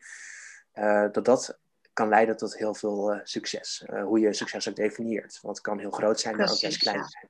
Ja, ik, denk, ik vind hoe Joseph McLennan het formuleert, vind ik altijd heel erg goed. En gewoon kort en duidelijk. Hij zegt, you want to be wealthy. You want to be healthy, happy and financially abundant. Dat vond ik echt gewoon... Hij zegt, iedereen wil dit, weet je. Je wilt gewoon gezond zijn, gelukkig en gewoon financieel stabiel. Dat, uh, dat is volgens mij inderdaad gewoon de key ingredients tot een uh, gelukkig leven. Nou, e-, exact. En hetgeen uh, wat je zegt, maar ook in zijn geval heel duidelijk van hoe hij het zegt. Want ik merk bij hem altijd in hetgeen wat hij zegt een hele leuke, uh, joyful spark. Ja. Er zit een hele uh, happy lading overheen. En ja. je kan dus wel zeggen van, oh, ik ben zo gelukkig. Maar dat, dat blijkt niet echt uit, uit de hele intonatie enzovoort. Dus mm -hmm. um, nou, dat is misschien ook wel weer een deel communicatie. en, en vergis je niet, hè, dat je dus ook dingen die misschien nu nog niet jouw eigen zijn uh, en die jij jezelf eigen wil maken, maar waarvan jij dan denkt van, ja, maar dat ben ik dan niet. Mm -hmm. diegene kan jij wel worden. Ja? Want het gaat er ook in die zin om ook, en dus deels van wie ben je nu en, en waar sta je nu. Maar ook met name van wie wil ik worden, wie wil ik zijn. Uh, voor mezelf, voor mijn partner, voor mijn familie, voor mijn vrienden, collega's enzovoorts. Mm -hmm. um, en ook wat wordt gezegd door Michael. Hè? Um, als je dan kijkt naar je doelen. Um, kies een doel die zo groot is dat je er gewoon bang van wordt. Mm -hmm. um, want het hoeft niet realistisch te zijn, maar je moet wel realistisch zijn in waar je nu staat. Maar waar je heen gaat, ja, weet je, dat mag zo groot zijn als, uh, als ik weet niet wat. Ja. Les. Brown, hè? Uh, shoot for the moon. En ja. if you miss it, you'll still be among the stars. Ja. En daarover gesproken, want we gaan weer verder naar de volgende vraag, want anders dan komen we er niet doorheen voordat het uh, oud en nieuw is. Even kijken. En dit is een hele leuke vraag, want uh, dat is vraag ja. nummer 9. Um, waar of bij wie heb je afgelopen jaar het beste gegeten en wat? hey, dat is nog eens een keer een, uh, Oeh, een dat is een leuke vraag. vraag. Dat kan ik gewoon met 100 volle procent zeggen. Dat zijn gewoon mijn schoonouders. Daar gewoon, eet ik gewoon altijd het beste. Ik heb uh, een, uh, een Surinaamse, Surinaamse vriend, dus ook Surinaamse schoonouder. Eten is gewoon altijd super lekkerder. En, um, en wat dan precies? Um, ik denk dat ik haar rotti altijd het lekkerste vind. Ja, en ja, je merkt gewoon, zij doet altijd gewoon, uh, mijn schoonmoeder doet alles gewoon met liefde. Ze kookt echt met liefde en dat komt gewoon in het, dat proef je gewoon in het eten. En zij is ook, vind haar zo bijzonder. Zij doet heel veel voor mensen en vraagt er nooit wat van terug. Ik kom niet zo vaak zo'n soort mensen tegen, maar mijn schoonmoeder echt, uh, ja, dat is gewoon het mooie, de mooiste vrouw die ik ken. Dus, bij wie heb jij de afgelopen jaar het beste gegeten? Uh, dat, dat, dat klinkt eerste ook heel erg lekker. En uh, tip 1 voor onze luisteraars, uh, neem een Surinaamse vriend of vriendin. Um, even kijken. Ja, weet je, um, de ontdekking van afgelopen jaar, moet ik zeggen, was um, in mijn geboortestad Harderwijk. Ja. Want ze hebben daar sinds een tijdje het waterfront, een soort van Cape Town, Kaapstad, aan het ja. water. Echt super leuk en gezellig. Oké, okay, wat leuk. Uh, en ze hebben daar een, een viszaak, uh, Johannes. En de kibbeling die ik daar proefde, was echt ja, onovertroffen. Ik heb nog nooit zulke lekkere kibbeling gegeten. Oh, okay. hij was niet extreem goedkoop. Maar op zich nog wel betaalbaar. Maar echt, echt lekker. Dus ik wist niet dat kibbeling zo lekker kon zijn. Dus dat was ook wel een openbaring. Oh, ja, en verder kan je mij ook heel erg gelukkig maken met, met de Chinees. Um, ik, ik hou ontzettend van Chinees eten. Ja. Uh, en nou, dat gaat ook wel voor meerdere keuzes hoor. als je het hebt over, ja, weet ik veel, India's of Thais, um, noem het maar op. Mm -hmm. Ik ben in principe wel een alleseter. Hoewel ik ook zelf, als ik de keuze heb, toch wel denk ik wat minder vlees ben gaan eten afgelopen jaar. Oh. En dat komt dan weer door de vierde dag van UPW, mm -hmm. het seminar van Tony Robbins. Dit keer virtueel, Unleash the Power Within. Um, ja, waarin de vierde dag ging echt over gezondheid. En waar ook werd gezegd van ja, dat vlees niet per se, dat je daar niet per se heel veel van nodig hebt. Ja, en ik dat is ook hoe ik mijn inzicht heb gekregen. Inderdaad, de vierde dag van UPW, ja. Ja, nou, waar dat allemaal niet goed voor is. Hè? We worden met z'n allen gebrainwashed. Dus, uh... nou, je bent er zelf bij, hè? ja, ik, ik, exact, exact. Ja. Nee, en ik hoop dat ik ook nog heel erg lekker mag uh, eten voor de rest van mijn leven. Um, ja. En in die zin ja, vind ik koken misschien toch best wel leuk, hoewel ik er niet echt veel tijd aan besteed. Maar Mhm. Dat is een van mijn dromen, hè, om later een eigen restaurant te hebben. Omdat ik destijds op jongere leeftijd al werd geïnspireerd door Gordon Ramsay. Met Harry in de oh, keuken. Oh, hè, ondanks dat hij daar veel aan het schelden is enzovoort. vond ik het altijd wel geweldig hoe hij dan die restaurants wist om te turnen tot een, ja, een, bloeiende case. Met super lekker oh, eten en happy personeel voor zover het lijkt. Ja. En ja, gewoon altijd een fantastische beleving om, om dat dan weer te kijken. Ja. Eten is ook gewoon echt even waar ik heel graag mijn geld ook aan uitgeef. Er echt gewoon nooit spijt van. Sowieso nooit spijt, maar... ja, nou, daar heb je wel een punt, hè. Want kijk, eh, de boog kan natuurlijk niet altijd gespannen zijn, maar ook heel duidelijk van celebrate je succesmoments uh, in life. En dat kan inderdaad heel goed door lekker eten. Ehm, en, en lekker eten hoeft ook niet per se te betekenen heel veel eten. Hè? Dat, is, dat is nog een verschil. Dus uh, gewoon lekker eten en dan op het juiste moment stoppen. Wat ook, um, hoe heet ze, de, de mensen in, ik geloof, uh, Okinawa in Japan, de, de green zone of de blue zone zeggen. Ja. Eet maximaal procent, totdat je net vol, zet, vol zit. Roy Martina zegt het ook. en dan, dan word je in principe niet dik. maar je kan je alles eten wat je wil. Dus ook nog een tip voor degene die daarmee aan de slag willen in het nieuwe jaar. Even kijken. Vraag nummer 10. Tien. Ja. ja. ik was dan bij vraag nummer 11, joh. uh, ging er afgelopen jaar uh, minder goed? Um, zal ik deze kort houden? Uh, het is een beetje een thema van wat ik vorige keer, de vorige vraag heb beantwoord. Maar dat ze gewoon af en toe te veel in je hoofd zitten, te veel stressen. Dus ik had echt gewoon meer mijn rust kunnen pakken, meer rustmomentjes moeten nemen en meer pauzes tussendoor. Dat is gewoon, het is net zo belangrijk om hard gewoon door te knallen als je, als je rust te pakken. Want je batterij kan gewoon niet voor eeuwig blijven lopen. Je moet hem gewoon uiteindelijk gewoon een keertje opladen. En uh, volgens mij, wij als, uh, volgens mij is dat ook een klein beetje een millennial dingetje. Uh, maar wij, ik, ik, ik heb dan in ieder geval, op het moment dat ik niks doe, dat ik even voor de tv zit, even een, mijn serietje opzet, dat ik dan heel snel een schuldgevoel krijg dat ik shit van, weet je, ik ben nu een serie aan het kijken, is helemaal niet productief. Uh, ik moet eigenlijk nu doorgaan. Terwijl, dat, terwijl je eigenlijk probeert te relaxen, ben je nog steeds bezig met werk. Dus je doet het eigenlijk, dus eigenlijk ben je gewoon nog steeds bezig met je werk en pak je ook niet je rust. Dus als je je rust pakt, of als ik mijn rust pak, wil ik hem ook gewoon goed pakken dit keer. En dat ik gewoon ook echt mijn batterij oplaad. Dus dat is uh, wat beter kan. mijn rust pakken. Ja, ik ben echt zo blij dat jij altijd eerst gaat bij deze vragen. Want dan heb ik zelf nog de tijd om erover na te denken. Echt heel erg fijn. Dank je wel daarvoor. Ja. Um, ik, ik moet noemen, eh, als ik iets moet noemen, zou ik zeggen focus. Ja. Um, maar ook op een wat dieper level. Want heb ik net ook geleerd van, uh, van Mark Tichelaar, van een podcast van hem. Mm -hmm. Maar wij mensen zijn uh, heel erg ontvankelijk voor prikkels. Ja. dat heeft ook maar te maken met ons oerbrein, die al, hoe lang, 2 miljard jaar of zo, of in ieder geval lang genoeg, niet is geëvolutioneerd. Dus die is geprogrammeerd op het feit dat we moeten overleven. En dat we dus uh, waakzaam moeten zijn voor prikkels van buitenaf. Want er kan op elk hoekje van de straat kan er een, uh, een sabeltandtijger zitten, zeg maar. Maar in ons geval uit dat zich dus in ieder appje wat voorbij komt, wat de aandacht afleidt, ja. van gewone zaken. En ik merk zelf, en dat is eigenlijk wel heel grappig altijd, maar um, als ik een podcast luister, ik ga regelmatig wandelen ook weer eventjes om, uh, om te ontladen en te ontspannen. En voor mijn 10.000 stappen en mijn beweging natuurlijk en mijn gezondheid. En je Maar op sommige... Exact. Op, exact. Uh, hoewel met een podcast, dan heb ik vaak ook inspiratie op. Ja, dan moet je een zonder podcast zou je dan moeten doen. Maar soms, als ik dan een podcast luister, dan, dan dwaal ik af. En dan hoor ik dus niet meer wat er in de podcast wordt gezegd. En dan denk ik van, ah. wacht eens even. En dan moet ik terugspoelen. en die momenten, die um, moet ik misschien in die zin wat minder hebben, hoewel ze ook wel heel waardevol kunnen zijn, natuurlijk. Hè? Mhm. Want uh, juist die ingevingen die plots komen, vaak in momenten van rust. Uh, daarom is het ook heel belangrijk om, uh, om, om even rustig te worden.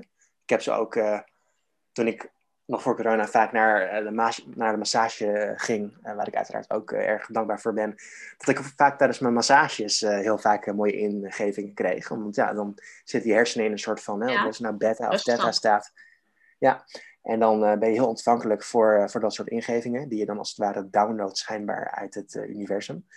Ehm, maar ja, ik heb op die manier ook tijdens het fietsen of, of wandelen vaak wel de mooiste inzichten opgedaan. Van ja, daar is, ontstaat die connectie en, en, en daar is het. En ik denk dat dat misschien ook wel een grote ehm, factor is voor het, het creatief kunnen zijn in het leven. Dat je jezelf genoeg rust gunt om die creatieve momenten te beleven. Die momenten van inzicht, hè, inspiratie. Het woord komt ook van uh, hè, inspire, uh, in spirit, uh, in geest. Verbonden met jezelf, met je geest. Dus um, ja, ja daarom zou het ook het beste zijn als je... Volgens mij zegt Mark Tichelaar dat ook in zijn boek. Als je dus gaat wandelen, dat je, dat je ook niet je podcast luistert. Dat je eigenlijk ook je telefoon het liefst thuis laat. Want als je namelijk aan het wandelen bent en je luistert ook, is je zijn je hersenen nog steeds bezig. Ze zijn nog steeds aan het denken, nog steeds aan het uh, ja, nieuwe ideeën aan het opdoen. Terwijl als je in de natuur wandelt zonder iets, dan geniet je ook echt van je omgeving. En dan creëer je dus ook echt daadwerkelijk rust in je hoofd en ruimte in je hersenen, om dus ook die nieuwe ideeën tot je te laten komen.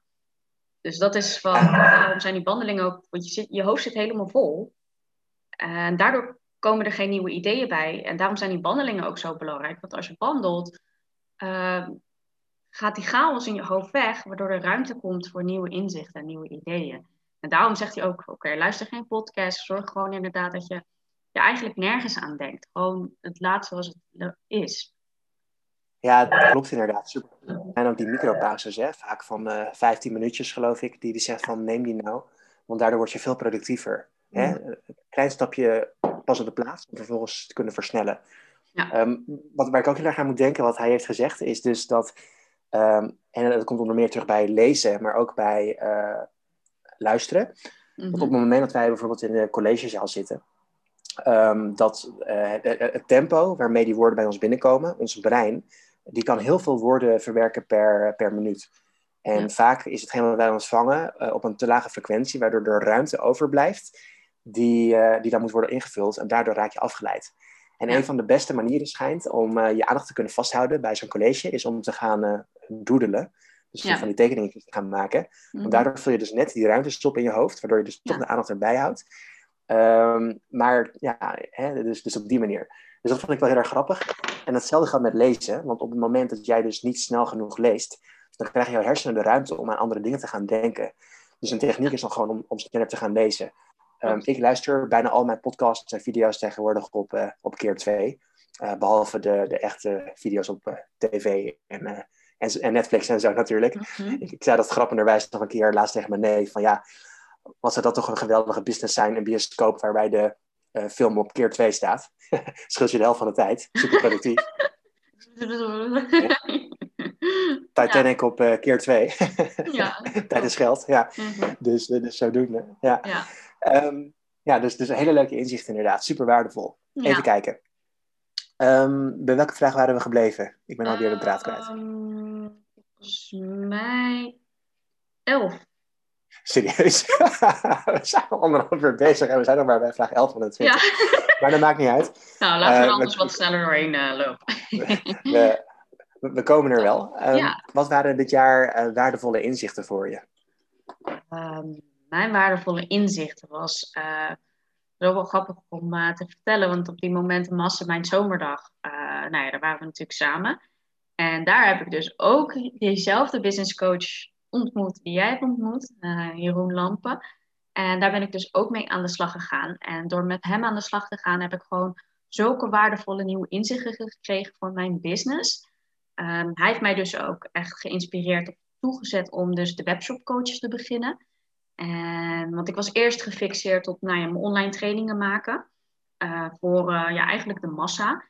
En Jeroen heeft tegen mij gezegd, nou waarom ga je eigenlijk niet eerst één op één mensen helpen? Leer je doelgroep eerst echt goed kennen voordat je de massa's gaat aanspreken. En dat was gewoon echt gewoon, dacht van wow. Het gaf mij zoveel rust, dat, dat idee. En uh, ook, ja, ik vond het ook hartstikke logisch. Ik vond het echt gewoon raar dat ik daar zelf niet eerder aan gedacht had om het op deze manier aan te pakken. En nou ja, dat was wel een van de meest waardevolle inzichten die ik dus gekregen heb. En toen hij dat zei, het voelde ook gewoon gelijk goed. En ik dacht, oké, ja, dit is inderdaad wat ik, wat ik wil doen en welk pad ik wil bewandelen. Ja, superleuk. Ik uh, gooi er ook gelijk eventjes een disclaimer bij. Want uh, als je nu denkt van, god, ik moet ook Jeroen Lamp als coach Um, vermeld dan eventjes als referentiecode uh, Shanice Stan en, en Stefan Choke. Want dan, dan krijgen wij van jullie ook nog een leuk cadeautje waarschijnlijk. Dus, dus bij deze. Ja, erg leuk. Ik, ik, moet ook, ik moest ook gelijk weer denken inderdaad aan het inzicht van neem een coach. Ja. Of het nou dus business is of, of, of life of uh, carrièrecoach, wat dan ook. Maar het is gewoon super waardevol om iemand die met een frisse blik, met een neutrale blik, vanuit een derde persoon kan kijken naar jou. Mhm. Eh, ja, om, om, om dat te doen. Hè. Je zou jezelf bijna tekort doen als je dat niet doet. Uh, jij bent een webshopcoach, dus nou, mocht je als tandarts de ambitie hebben om iets te doen met het verkopen van dingen of online courses, dan is Janice je man, of eigenlijk je vrouw. Hè? Dus je, Mhm. je webshopcoach, de leukste webshopcoach van Nederland. Ehm, ja, dus, dus absoluut. Ehm, eh, en, en nou ja, ik, ik kom dan toch ook weer gelijk waardevolle inzichten. Ik, ik geloof dat het afgelopen jaar was dat ik eh, ja, een van mijn favoriete docenten van Dentistry University heb, eh, ook heb gesproken en geïnterviewd. Arie Riem, kindertandarts. En die noemde dus op een gegeven moment een quote van Gandhi. Uh, be the change uh, you wish to see in this world. Uh, Ja. Met andere woorden, wees een inspiratie voor anderen. En ja, als je op die manier leeft, hè, door een voorbeeld te zijn voor anderen, dat is denk ik een hele goede manier. Hè? Als je ook kijkt naar kinderen. kinderen die doen niet na wat je zegt, of die doen niet wat je zegt, maar die doen na hoe je het doet. Ja. En dat is een groot verschil. Hè? Het een zeggen, maar het andere doen. Mhm. belichaam het ook. Wees een inspiratie voor anderen. Ja, mooi. Vraag nummer 12. Ehm, welke mensen heb je dit jaar ontmoet die een bijzondere bijdrage aan je leven hebben geleverd, uh, Janice? Dat is een leuke vraag. Nou, uiteraard uh, Jeroen Lampen natuurlijk. Die heeft een uh, hele waardevolle bijdrage geleverd aan dit jaar voor mij. En het is inderdaad heel fijn om iemand aan je zijde te hebben, een partner die gewoon objectief, subjectief met jou mee kan denken uh, naar jouw business en echt als een partner fungeert. Uh, dat, was, dat was heel erg fijn. Verder, uh, nou, ik heb natuurlijk jou ontmoet.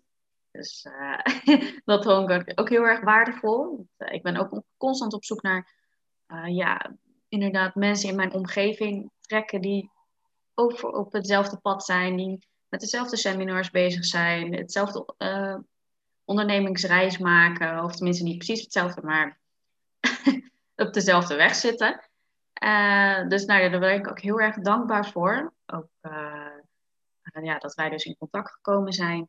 Verder uh, ben ik heel dankbaar dat ik... ja, ik heb haar niet dit jaar ontmoet, maar ik ben wel met haar dit jaar echt goed aan de slag gegaan. En dat is Felicia Lin. Zij is ja, een videocoach, videomarketeer. En zij heeft mij dus gewoon echt geholpen om online zichtbaar te zijn en video's te maken. En zij heeft mij dus gewoon echt gepusht om dus video's te maken, die online te gooien. En ook gewoon niet te kritisch op te zijn. Dus door haar ben ik wel echt meer op video gaan komen. En is dat ook veel makkelijker afgegaan op dit moment. Van in het begin kon ik echt ja, een hele dag over een video doen. En nu kan ik bij wijze van uh, binnen 20 minuten klaar zijn. Dus dat, is, uh, ja, dat vond, was voor mij een hele goede ontwikkeling. En um, ja, dus dat, dat zijn denk ik, nou, ik heb drie, drie personen die, op, die uh, een waardevolle bijdrage hebben geleverd in dit jaar. Hoe is dat voor jou? Ja, uh, zoveel mensen. En inderdaad, uh, wederzijds super leuk je te hebben ontmoet. En uh, ja, ik, ik, ben heel erg benieuwd uh, waar wij gaan komen straks met, met z'n allen. Want ja, gewoon de, de ambities die zijn er zeker. Zeker. En tegelijkertijd natuurlijk hartstikke gelukkig um, zijn. Shout-out naar mijn uh, sparringspartners. Um, Mark Tissink, uh, Harold Bok en uh, Shani Stamme ook inmiddels. Inderdaad, Jeroen Lampen, mijn business coach. En dan ook nog best wel veel andere waardevolle mensen. Um, Danielle Cornelia, geweldig persoon. Daar gaan we ook nog heel veel van horen, vermoed ik. ja, ja, toch uh, goed uh, Anuen, die voor mij toch wel een rode draad vormde door mijn leven als tandarts. Maar ik heb er te veel om, uh, om op te noemen eigenlijk. Mijn mastermind groep. Uh, iedereen die uh, wat heeft bijgedragen of die goed is. En in die zin, weet je, ik heb in die zin ook wel gewoon liefde voor, voor al die mensen. Ook al spreek ik niet iedereen. er zijn echt wel momenten dat ik, er zijn best wel veel momenten dat ik aan bepaalde mensen denk. maar dat ik niet per se de behoefte heb, misschien ik specifiek als persoon, om te zeggen van, joh, ik stuur je even een appje. Maar ik denk wel gewoon even aan die mensen en dan zend ik een soort van, van liefde daarheen. In de hoop dat het wordt ontvangen, ja, oh, in ieder geval wordt gevoeld. Ja. want ja, ik, ik, ben niet per se iemand die heel veel aan, aan het appen is, omdat ik dat ook dan weer een soort van tijdverspilling vind. Ik heb zoiets van, ja, weet je, ehm, als ik er moet zijn, dan ben ik er en, en vice versa hopelijk ook. En voor de rest is het gewoon goed en is daar gewoon, ja, als het ware, een, een wederzijdse connectie. Dus, dus op die manier. Um, maar ik kan natuurlijk wel ontzettend genieten van op het moment dat je natuurlijk fysiek bij elkaar bent. hoe dat natuurlijk moeilijker is. Maar ja, in die zin, hè, mensen, relaties, heel erg belangrijk. En mm. um, nou, dan is ook de volgende vraag, vraag nummer 13, is, ligt daar mooi in lijn mee. Want um, is je relatie met je partner of collega's uh, plezierig of onplezierig geweest? En lag dat geheel of gedeeltelijk aan jou uh, als het onplezierig was? Ik ben benieuwd. Um, nou, mijn um, relatie met mijn uh, partner, dus met mijn vriend, is echt supergoed.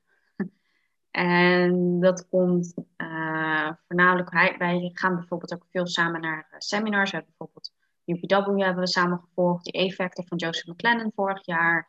Um, Maximum Potential van Michael Pilacic. Dus wij zitten echt gewoon. En hij is ook zijn eigen bedrijf gestart. En we zijn gewoon echt gewoon op dezelfde weg. We ontwikkelen samen. En dat vind ik echt heel fijn. En ook dankbaar dat ik zo iemand heb mogen ontmoeten. Die, uh, want ik weet dat niet heel veel mensen dat hebben. Veel mensen die ik op seminars heb ontmoet, ja, die zijn er alleen. En die komen thuis. En het is lastig om jouw ervaring op zo'n seminar, bijvoorbeeld zo'n UPW, om dat eh, over te brengen naar iemand anders. Want je bent zo intens in dat moment dat, uh, ja, dat andere mensen echt zoiets van: oké, okay, leuk voor je. en ik kan dat gewoon echt delen met iemand. En daar ben ik altijd heel erg dankbaar voor. En uh, verder is mijn relatie met mijn collega Anne-Claire, die, waar ik samen mijn bedrijf mee heb, Getting Control, ook supergoed. Wij hebben elkaar ontmoet via een traineeship. Dus we zijn ook niet begonnen als vriendinnen. En ja dat, ja, dat gaat ook gewoon, dat floot ook gewoon heel erg goed. En ik moet ook zeggen, door alle uh, seminars die ik heb gevolgd, en uh, bijvoorbeeld ook, ik heb ook een NLP Practitioner heb ik afgerond dit jaar. Dus daar heb ik een diploma voor gekregen of certificaat. Dus daar was ik ook heel erg blij en trots op. Um, maar als bijvoorbeeld dingen niet goed gaan, het gaat natuurlijk niet altijd goed.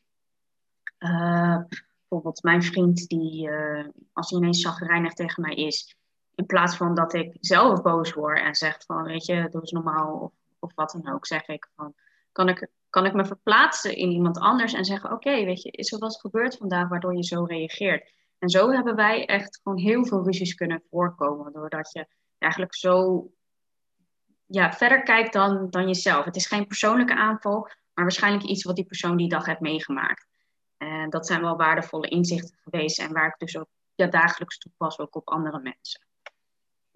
Dus, uh, dus dat. Hoe was dat voor jou? Ja, nou, hartstikke ja, gaaf om dat wie meer te horen. Het moet, doet me ook gelijk denken aan uh, ja, in ieder geval hoe Michael en uh, Cindy uh, ook een beetje naar elkaar toe in ieder geval zichzelf presenteren. Van, ja heel erg aanvullend, hetzelfde pad. Ik heb in die zin op dit moment nog de luxe tussen haakjes dat ik vrijgezel ben. Dus ik mag nog kiezen, zeg maar. maar ja, iets zo'n plaatje wat jij schetst, dat, dat klinkt natuurlijk wel als een soort van muziek in de oren. Dat je echt ja, samen naar seminars gaat. waarschijnlijk ook voor een deel dezelfde waarden hebt. Mm-hmm. maar in ieder geval dat je er voor elkaar bent en elkaar begrijpt. En ook in de zin een stukje communicatie en, en gevoelens delen dat dat um, ja, mogelijk is. En dat lijkt me echt super fijn. Want ja, wat is er nou nog mooier dan in die zin gedeeld geluk? Tegelijkertijd, want ik ben natuurlijk, nou natuurlijk, uh, ik werk ook samen met mensen hoor, maar ik ben in principe uh, op dit moment nog uh, ZZP'er als het ware. Dus mhm. in die zin niet echt collega's. Dus ik heb met name te dealen met, met mezelf. Uh, maar die relatie is wel heel goed geweest, moet ik zeggen. Oh, ik ben, dat is het uh, belangrijkste. ja, nou ja, de, de gun het zelfliefde. Hè? Uh-huh. Dus ik ben heel erg blij met, ja, met, met wie ik ben en hoe ik ben. En dat is ook misschien wel leuk om voor jezelf te beseffen van... Stel je voor dat er een, een, een soort van kloon van jou zou rondlopen op deze wereld. Zou je dan met diegene een vriend willen zijn? Zou diegene een inspiratie voor jou zijn? Mm-hmm. En zou diegene een, goed, een, een goede teammate voor jou zijn? Nou als ik nog een Stefan zou hebben als kloon, dan zou die best wel gelijk blind aannemen, denk ik, in mijn bedrijf. Dus, en ook gewoon als, als vriend en spanningspartner en alles. als, als, als, als filmmaatje of wat dan ook. Dus ehm, ja, dat is een fijne constatering. Ehm, en dat is dus ook wel steeds weer terugkomen naar in die zin hè, uh, bij jezelf blijven, de verbinding met jezelf. Dus ja, ja absoluut. En uh, nou, misschien dat 2021 wel ja, een heel leuk en lief meisje brengt. Dus, mm. Tuurlijk. ja. ja. Zeker, oh, um, mooi, mooi inzicht. Heel mooi. Ja. Um, ik ga naar vraag 14, voordat ik ja. allerlei gekke, gekke, grappen begin te bedenken. um, op welke manier heb je je talent verbeterd om tot betere prestaties uh, te komen? Oh. Oh, dat vind ik ook een leuke vraag. Ja, ik, ik, hou, ik hou van uh, personal development, jezelf blijven ontwikkelen. En uh, wat ik dit jaar ook gedaan heb, is, nou, zoals ik al zei, ik heb natuurlijk, ik was NLP practitioner begonnen. Die heb ik dus ook afgerond. Dus daar heb ik betere inzichten gekregen in ja, hoe het brein werkt, hoe mensen werken, hoe ze over het algemeen denken. En ehm, dus daar heb ik ook geleerd om andere mensen beter te begrijpen. Dus dat ik een hele waardevolle inzicht. Bijvoorbeeld daar is ook gezegd van ehm, er, er is niet zoiets als de waarheid. Er is alleen iets als jouw waarheid. Dus iedereen zijn waarheid, uh, zijn inzichten is de waarheid. Dus het is daarom ben ik ook afgestapt van, je, dit is mijn mening en dat uh, ik hoef mijn gelijk nooit door te drukken, omdat ik nu vind, oké, jij hebt je eigen waarheid en dat is waar voor jou en dat respecteer ik. Dus ik hoef niet, ik hoef niet gelijk te hebben. Ik het, iedereen mag zijn eigen visie ergens op hebben. En nou ja, daarentegen heb ik natuurlijk ook dit jaar voor het eerst de Virtual UPW gevolgd. Ja, Unleash the Power Within van uh, Tony Robbins. En uh, ja, ik vond dat gewoon, ik vond dat echt geweldig. En ik hoop hem ook nog in 2022 live te kunnen volgen. En daar heb ik gewoon vooral geleerd van hoe blijf je hoog in je energie en hoe, ga, hoe zet je hem gewoon door. En uh, dat had ik gewoon ook echt even nodig.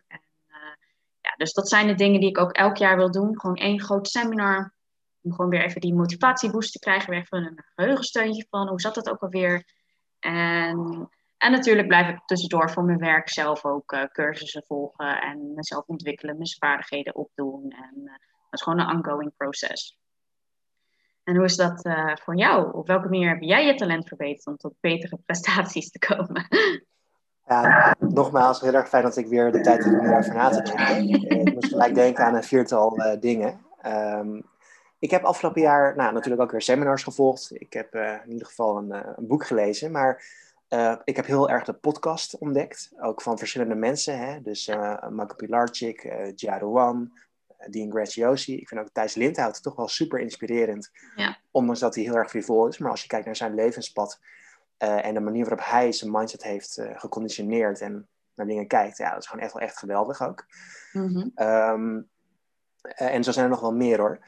Um, maar tegelijkertijd ook, ja, wat heeft mijn talent verder gestimuleerd? Uh, ook mijn, mijn, mijn peers, denk ik. Ik heb echt wel mijn, mijn, mijn, mijn peers verbeterd. Hè? Dus ik ga nu met mensen om, ja, spanningspartners die ook weer mij helpen. En ook op het gebied van accountability.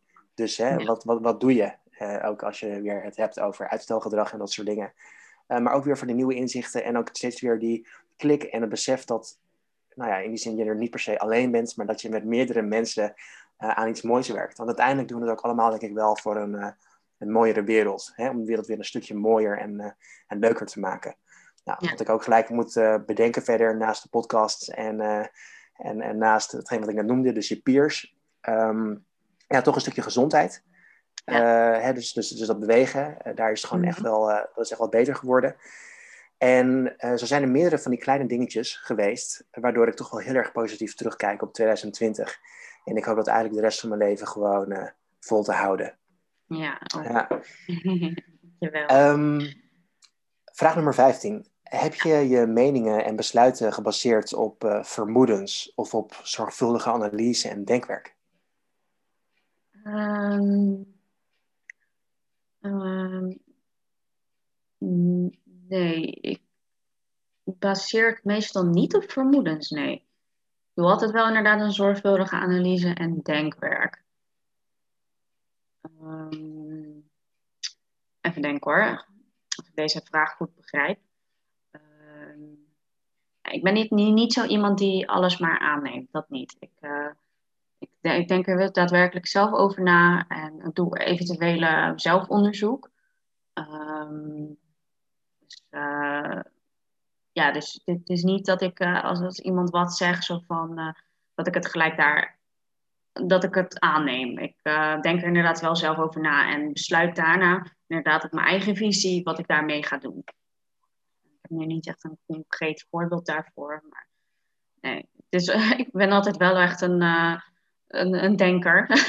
Tenminste, ik zit veel in mijn hoofd, dus ik doe altijd wel een zorgvuldige analyse voordat ik uh, een beslissing ergens opneem. Wel heb ik geleerd door veel mindsetboeken te lezen om beslissingen wel zo snel te maken. Dat je niet te veel in je denk denken blijft zitten. Dus weet je, heel veel succesvolle mensen maken beslissingen heel erg snel. Maar dat zijn dan ja, beslissingen die je voor jezelf neemt in ieder geval. Dus dat probeer ik wel te doen. En ik probeer dat te oefenen, bijvoorbeeld in groepschats, vooral WhatsApp. Groepschats, om daar snel de leiding te nemen en daar gewoon snel afspraken te maken. Want je kan wel eens in groepschats verdwaald raken in, ja, het is bijna onmogelijk om een afspraak te maken. Dan gaat er gewoon één iemand zeggen, gewoon deze datum, deze tijd dan kom je gewoon veel sneller tot een, uh, een, ja, een besluit uiteindelijk. Dus daar zo probeer ik het ook te oefenen, om dat soort dingen. ja, awesome. awesome. Um, ja, le leuk dat je het noemt inderdaad. Ik moest ook gelijk denken aan het woord aannames. Mm -hmm, um, ja. Ehm, en, en ook intuïtie. Hè? Ik, ik neem regelmatig ook wel beslissingen op intuïtie. Mm -hmm. Maar Jeroen ook weer, die heeft mij wel geleerd om ook inderdaad echt goed te kijken van ja, wat, wat willen jouw klanten? Hè? Want ja een van de meest gemaakte fouten als ondernemer is dat jij verliefd raakt op je eigen product. in jouw beleving is je product geweldig, maar uiteindelijk gaat het om de klant, wat de klant wil. Dus dat is wel heel erg belangrijk om te beseffen. En ehm, even kijken. Um, ja, dat is ook wel een punt. Want aannames, uh, die kunnen uh, deels een vriend zijn. Want uh, nou ja, als je een beetje juist aannames doet, dan heb je vaak nog gelijk ook. Maar het kan in die zin ook wel een soort van ja, vijand zijn, want soms kunnen ze ook gewoon echt onwaar zijn. Ja. En dat is dus wat Michael Pilarczyk altijd weer zegt van, dat wat jij allemaal zegt, is dat waar? Uh, Een mooi voorbeeld was van, ik geloof een man, die is uiteindelijk een bepaalde, die heeft een bepaalde baan genomen, omdat ja, zijn, zijn ouders daar gelukkig van werden of ja. zo. Of, of die had een partner, want voor zijn ouders Um, en die zei van ja, ik, eigenlijk vind ik het niet geweldig, maar ik weet dat mijn ouders dat zo geweldig vinden dat ik, dat ik het maar blijf doen. Want eigenlijk vond hij het zelf dus blijkbaar niet zo leuk. En um, toen zei Michael, ja, maar is dat zo? Hè? Um, is inderdaad zo dat, dat je ouders alleen maar als het ware trots op jou zijn als X, Y of Z aanwezig is. Mm -hmm. En toen zei die man van ja, nou ja, ik denk het wel, ja, oké, okay, maar heb je dat ook gevalideerd? Uh, nee.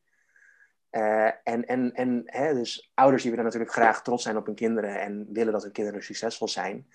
Maar ik denk inderdaad, wat toen werd gezegd ook, van er is maar één ding wat ouders echt willen voor hun kinderen. En dat is dat hun kinderen gelukkig ja. zijn. En uh, gelukkig is in die zin anders, uh, een andere definitie dan succes. Mm. En op het moment dat jij als kind zegt van ja, ik word eigenlijk helemaal niet zo blij van deze baan of van misschien wel deze relatie. ik, ik ga op zoek naar iets anders. En dat een ouder dan dus ook daadwerkelijk kan zien en voelen ja, ik, ik heb het idee dat mijn kind, als hij dat doet, gelukkiger wordt. En ja, als jij gelukkig bent, dan zijn wij ook gelukkig. Dus um, dat vond ik wel een heel, uh, heel, heel erg mooi ja. te horen. Ja. Oh. Heel mooi, ja. Tijd voor vraag nummer 16. Want, hele mooie vraag, waar ben je dankbaar voor? Ik ben echt dankbaar voor heel veel dingen. Maar waar ik denk ik echt het meeste dankbaar voor ben, en waar ik gewoon elke dag vind dat ik daar ook heel erg blessed mee ben, is dat, dat ik geboren ben in een westers land. En ik ben, ja, ik, ik ben daar gewoon, ik hoor wel eens verhalen inderdaad over uh, vrouwen die in andere landen zitten. Ik ben gewoon zo dankbaar inderdaad dat ik hier ben geboren en dat ik de vrije keuze en beslissingen kan maken om mijn eigen bedrijf te starten om met mijn mindset bezig te zijn. Dat ik die kansen echt heb gekregen.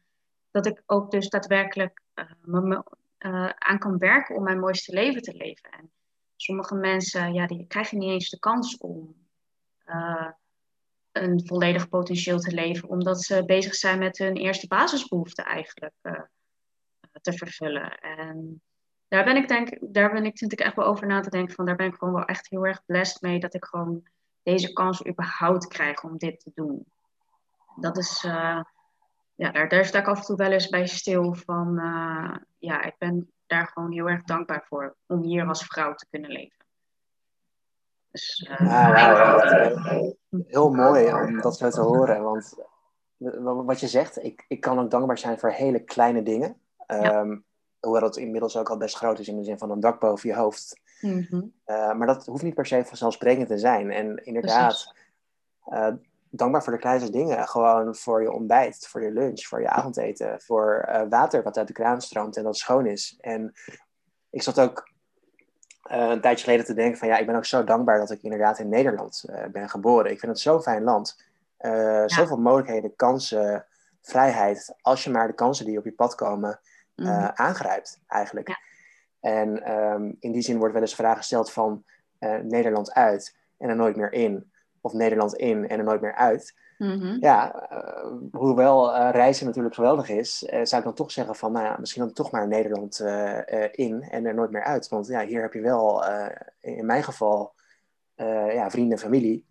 Ja. En alles wat je hebt opgebouwd. En je kent het, je spreekt de taal, je houdt ervan. En er is ook binnen Nederland zoveel te ontdekken. Mm-hmm. En uh, ik geloof met de technologie van tegenwoordig kan je zo'n beetje Amerika in Nederland halen straks. Dus uh, ja, dat, uh, ja, en het wordt toch steeds warmer op aarde. ik niet of dat goed iets is. ja. Nou goed, ik had nog een droom van een pretpark ooit. En daar komt dan ook een soort van vakantiegedeelte bij. Waar je dus gewoon ja. in verschillende landen kan stappen. Oh. Met dito klimaat. Dus dan hoef je niet meer Nederland uit straks. dat is oh. nog een, een droom. Oh, leuk. Heel gaaf. Ja, En een droom is niets anders. Nee, wacht even. Nee, een doel is niets anders dan een droom met een deadline. Hè? Dus als ik nou een deadline koppel aan die droom, dan is het een doel geworden. Maar goed, ja. ik blijf voorlopig nog wel eventjes dromen. Zeker. Blijven dan altijd. ja, ja. Ja, ja uh, dankbaarheid inderdaad. Um, ook al rijd ik nog in een, eh, een oude auto uit 1996. Ik ben er wel super dankbaar voor dat ik uh, ja, op die auto, Renault Twingootje, gele. Uh, ja, ik ben er nog in die zin auto, ja. ja. ja, ja, Hoewel ik op zich ook de trein... vroeger ging ik vaak met de trein, omdat je natuurlijk nog geen rijbewijs had. Mm -hmm. Op zich ook wel fijn, ook al zit je soms als een blik met sardientjes daar. wij hebben een trein waar we mogen zitten, soms moeten staan tussen de mensen, maar we hoeven niet op het dak van een trein te zitten zoals uh, je wel eens in India ziet of wat dan ook. Oh, ja. Hoewel dat ook wel avontuurlijk kan zijn natuurlijk. Ja. Mm -hmm. ja. ja. het is wel een ervaring. Maar toch niet, uh, niet iets wat je elke dag wil doen. ik, ik, verwacht van jou natuurlijk, als jij straks digital nomad bent, dat jij wel met je laptopje op een trein zit in India. Met, uh, met goede wifi, ja. Ja, ik zal je dan gelijk live video bellen. exact, ja, ja, ja. Vraag nummer 17. Ja. Um, welke doelen heb je wel en welke doelen heb je niet behaald? Ja, mijn grootste doel was natuurlijk om naar volledig voor mijn eigen bedrijf te gaan. Die heb ik behaald. Een andere doel was ook om uh, masterclasses te beginnen uh, dit jaar. Dus live masterclasses. Nou, dat heb ik ook gedaan. Dat was echt een enorme drempel voor mij waar ik overheen gegaan ben. Uh, maar ik heb het wel gedaan, dus daar ben ik onwijs trots op. Um, ik heb meeste uh, maanden, bijna alle maanden, altijd mijn inkomensdoel wel bereikt. Of ik zat er net onder of net boven. Het was altijd wel heel erg dichtbij. Um, en wat heb ik uh, bijvoorbeeld niet behaald van mijn doelen? Nou, ik wilde bijvoorbeeld heel, uh, ik wil nog steeds een, een, een, blog opzetten. En ik, ik wilde er eerst een travel blog van maken, maar uiteindelijk heb ik dat geswitcht naar ik wil eigenlijk een personal development blog maken, waar ik gewoon al mijn ervaringen daarin schrijf. Uh, en daar wil ik dan uh, ja, gebruik maken van affiliates, affiliate links. Uh, is echt een affiliate marketing blog. Die heb ik niet behaald. Dus dat staat nog steeds wel in, in de backlog. Dus dat wil ik nog steeds gaan doen. Maar ik dacht nu is het belangrijk om focus te houden op nou, getting control, op de webshop coach. dus dat is ook belangrijk om uiteindelijk wel je focusgebieden te kiezen. Dus dat is dan ja, dat is iets wat ik dan nog niet behaald heb in ieder geval. En de rest is in ontwikkeling en ongoing. Hoe is dat voor jou? Ja, cool. Um, ik um, heb heel veel doelen gehaald waarvan ik eerst niet wist dat het doelen waren. Mhm. Ehm, ik heb ook wel doelen gesteld, uh, waarvan ik een deel als het ware wel heb gehaald en een deel ook niet heb gehaald. Ik denk dat het ook een soort van ongoing uh, process is. Uh, waar ik wel heel erg tevreden over ben, is dat ik gewoon heel erg voel dat ik steeds op het juiste pad zit en de hele tijd groei. En dat ik steeds een stapje dichterbij kom bij hetgeen waar ik wil komen. Um, en dat kunnen updates zijn aan je website. Dat kan inderdaad de manier zijn waarop je elke dag ook beweegt en hm? eten geeft. Ik wilde zeggen, jezelf voedt. um, nog genoeg doelen die ik, um, die ik wilde halen. Um, uh, ik, ik ga er nu niet, denk ik, heel erg over uitweiden, want die komen vanzelf wel. En uh, sommige mensen zijn juist heel erg van, uh, ja, ik, ik, ik, verklap mijn doen niet altijd per se, want ik wil juist niet dat mijn omgeving dan steeds gaat zeggen van, ja, is het al zover, is het al zover? Ja, ja, ja. maar als het daar is, dan, dan presenteer ik het wel. Maar ja, ik heb wel heel veel leuke dingen die ik nog wil doen. Um, Um, en, en dat is opgedeeld in kleinere stapjes. Dus ja, die, die kleinere stapjes zijn niet per se altijd uh, het meest gewogen doel, lijkt het soms. Maar ik word wel heel erg blij vaak als de doelen zijn behaald. Dan, uh, ja, dan is het wel even een, een momentje van uh, celebration. Overigens, dat is ook wat Joseph McLennan zei, hè? dat mensen die komen in een burn-out omdat ze te weinig stilstaan bij hun successen. Omdat ze constant maar doorgaan en te weinig inderdaad die succesmomenten vieren. Mm -hmm. Dus tip voor 2021. Wil je burn-out vrij door het leven? Uh, vier je momenten. Ja, zeker. En trots op jezelf zijn voor wat je gedaan hebt. Ja, 100%. En, en neem een podcast met jezelf op, zoals wij nu doen. Dan uh, ga je vanzelf automatisch denken aan hele positieve dingen. Ja. Precies, ja. Vraag nummer 18. We zijn bij de, de, de laatste drie vragen aanbeland. Um, wie zou je willen bedanken voor de rol die hij of zij afgelopen jaar in je leven heeft gespeeld? Um, ik uh, zou uh, mijn ouders willen bedanken. Die, ja, die spelen natuurlijk altijd een grote en cruciale rol in het leven van kinderen, ongeacht positief of negatief. Ehm, mijn vader heel erg, omdat die heeft mij heel erg geholpen in mijn bedrijf. Mijn vader die is ook van de IT, dus die heeft heel veel mij kunnen helpen met de technische gebieden. dus daar ben ik altijd heel erg dankbaar voor dat ik kan uitwijken.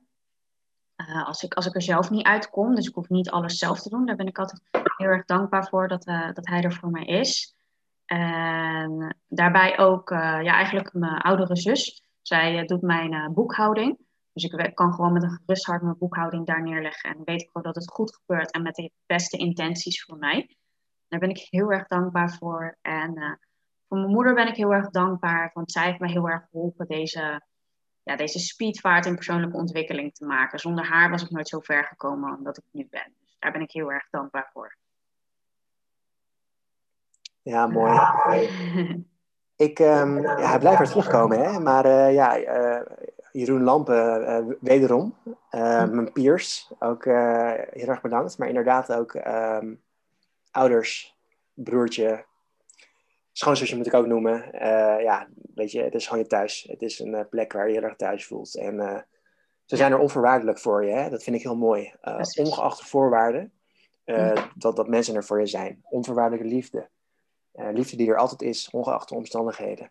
Ja. een van de mooiste dingen die ik ook zie. Ook als je kijkt naar, naar honden. Hè? Dat zijn van die beesten die hebben gewoon een onvoorwaardelijke liefde, wat er ook gebeurt. Ja. En dat is gewoon echt, echt super, super mooi. Ja. Dus, Soms kan ik het ook ehm, wel begrijpen dat mensen liever met honden omgaan dan met mensen. ja, en, en, en wat ik ook wel heel erg mooi vind trouwens, is dat mensen hoeven niet eens per se echt daadwerkelijk actief in je leven te zitten, om er toch heel erg dankbaar voor te kunnen zijn. Uh, mensen die ik een tijdje geleden heb ontmoet, en waar ik niet echt per se veel contact mee uh, heb gehad, mm -hmm. uh, en dat kan nog komen natuurlijk, maar ja, die hebben dan toch bepaalde dingen gezegd waar ik dan toch wel heel erg dankbaar voor ben. Want het waren grote inzichten die, uh, die je meeneemt, ook wel echt voor de rest uh, van je leven. En um, dat kan ook gewoon zijn vanuit de podcasts. Hè? Nou, dankjewel uh, Thijs Lindhout voor al je inspiratie. Mm -hmm. en, en, en, en, en Michael en Jadwan en alle anderen aan wie ik ja, al mijn, mijn kennis en mijn passie ook ontleen. Ja. Dus ja, echt, echt super cool. Oh, vraag 19 is wel een hele, hele mooie vraag. Ja. Um, welke vraag zou je aan jezelf willen stellen Oeh, ik, zag, ik zag hem net staan en toen dacht ik, oh, deze is inderdaad heel mooi. En als ik één vraag aan mezelf zou willen stellen, wat zou dat dan zijn? Um, Weet jij er één? Kan jij bij deze eerst gaan? ik kan nog even over na. Ja hoor. Ehm, ik, ik moest gelijk denken aan een vraag in het verlengde van mijn droom. Namelijk, uh, wordt mijn droom, mijn droom een waarheid? Of, of waar gaat het schip heen? Ja. Ik ben er stiekem heel erg benieuwd naar hoe de toekomst eruit ziet. Ehm, mm. Natuurlijk met betrekking op mezelf, ook op de wereld. Tegelijkertijd is het niet zo dat ik hoef te weten van, uh, dat wordt het precies. Want het is misschien juist wel leuk om uh, te kijken gewoon inderdaad waar je terecht komt. Mm Maar als je weer kijkt naar zeg maar, die, die blueprint die je dan mogelijk hebt, dan ben ik stiekem wel heel erg benieuwd van ja, waar ligt je blueprint? Want stel je voor dat jouw blueprint zegt van inderdaad, uh, en ik noem maar eventjes heel iets oppervlakkigs in die zin van maar je wordt miljardair. Uh, dat zit in jou. Als jij dit, dit en dit doet op die leeftijd en die leeftijd en die leeftijd, als je die en die en die en die keuze maakt. Als je van tevoren weet dat je dus eigenlijk als je die keuzes maakt, dus dat kan bereiken, en dus daarmee niet kan mislukken, als je dus min of meer de garantie hebt dat het gaat lukken, ja, hoe geweldig is dat? En hoeveel meer mensen zouden dan dan niet uit een comfortzone stappen? Maar gewoon inderdaad dus nu niet die sprong wagen. Um, nou, in die zin waar ik misschien ook wel heel erg uh, benieuwd naar ben. Um, en uh, nou ja, goed, dat moet natuurlijk gewoon goed komen. En uh, de vraag is dus inderdaad meer van wanneer. Maar ja, wanneer komt dat leuke meisje in, in mijn leven? Dat zou misschien ook nog wel een leuke vraag zijn. Ja. ja. Oh, ja. Dat is een mooie vraag inderdaad. Ja, ik vind het... Is dat een vraag ook aan jezelf of eigenlijk een vraag aan het universum? Nou, het is niet dat ik, uh, dat ik om smeek. Ik geloof wel dat het, dat het komt wanneer het komt. ik had me nog bedacht mm -hmm. van uh, ja, misschien omdat ik wel iemand tijdens een Tony Robbins seminar of zo. Dat zou natuurlijk ook wel uh, heel erg gaaf zijn. Dat iemand al bezig is met het pad waarop jij staat, dan wel ja. ervoor open staat. Dus dat zou wel iets kunnen zijn. Um, maar weet je, no pressure. Um, ja, het is toch wel de toekomst. Het is toch wel echt de, de, de, toekomst waar ik iets over zou willen weten. Ja. Maar ik heb die vraag wel eens aan andere mensen gesteld van... als je een glazen bos zou hebben wat zou je dan willen weten? En vaak werd ook gezegd, ja, ik, ik wil het gewoon niet weten, want mm-hmm. ik vind het wel goed, eh, dat, dat, dat, dat, het, het, het onverwachte en, en, en gewoon kijken. Maar ik zou toch wel stiekem heel erg benieuwd zijn. En ook een andere vraag, zou je liever één dag koning zijn of één dag weer kind? Is dat een vraag aan mij of uh, is dat een vraag die je zelf af... Ja, ook. Het is ook een vraag die ik aan jou uh, uh, stel eigenlijk. Het is ook een vraag die Thijs Lindhart altijd stelt in zijn uh, on spot gedeelte. Ik zou primair gaan voor het kind, om gewoon weer een dag kind te zijn. Dat, ja. dat volledige gevoel, hoewel ik tegelijkertijd wel het idee heb dat ik eigenlijk nooit mijn, eigenlijk mijn innerlijke kind heb verlaten. Dat hij nog steeds in me zit en nog elke dag gewoon ja, daar is. En één dag ja. koning um, zou ik misschien overwegen van het feit dat je misschien uh, mooie dingen kan doen voor de maatschappij. Dat je, je je macht kan gebruiken om mooie dingen te doen. Om in één keer het hele onderwijssysteem uh, te, te, te, veranderen. Ja. Dat je wel leert uh, hoe je gelukkig moet zijn en hoe je moet omgaan met je partner en, en dat soort dingen. Precies, ja. Um, maar mijn primaire gut reaction zegt, zegt kind. Hoe zit het bij jou? Um, ik zou ook uh, inderdaad dag weer kind uh, willen kiezen, ja. Toch dat, even, dat weer even een, dagje onbezorgd leven. Doen wat je wil doen, wat je het allerliefste doet. En ik vind mm. kinderen zijn gewoon zo'n goed voorbeeld van hoe je eigenlijk als volwassene ook je leven zou moeten kunnen leven. Weet je, dat onbezorgde, altijd vrolijk, tenminste, de meeste kinderen dan. Uh, doen waar je zelf zin in hebt. En ja, niet dat je als elke volwassene nu uh, met een speelgoedautootje over de straat heen moet rijden, maar you get my point, I think. Ja, nou ik moet gelijk doordenken, hè, want um, welke vraag zou jij nu aan jouzelf stellen, aan de kleine Janice, als kind? Oeh, aan een klein kind als Janice.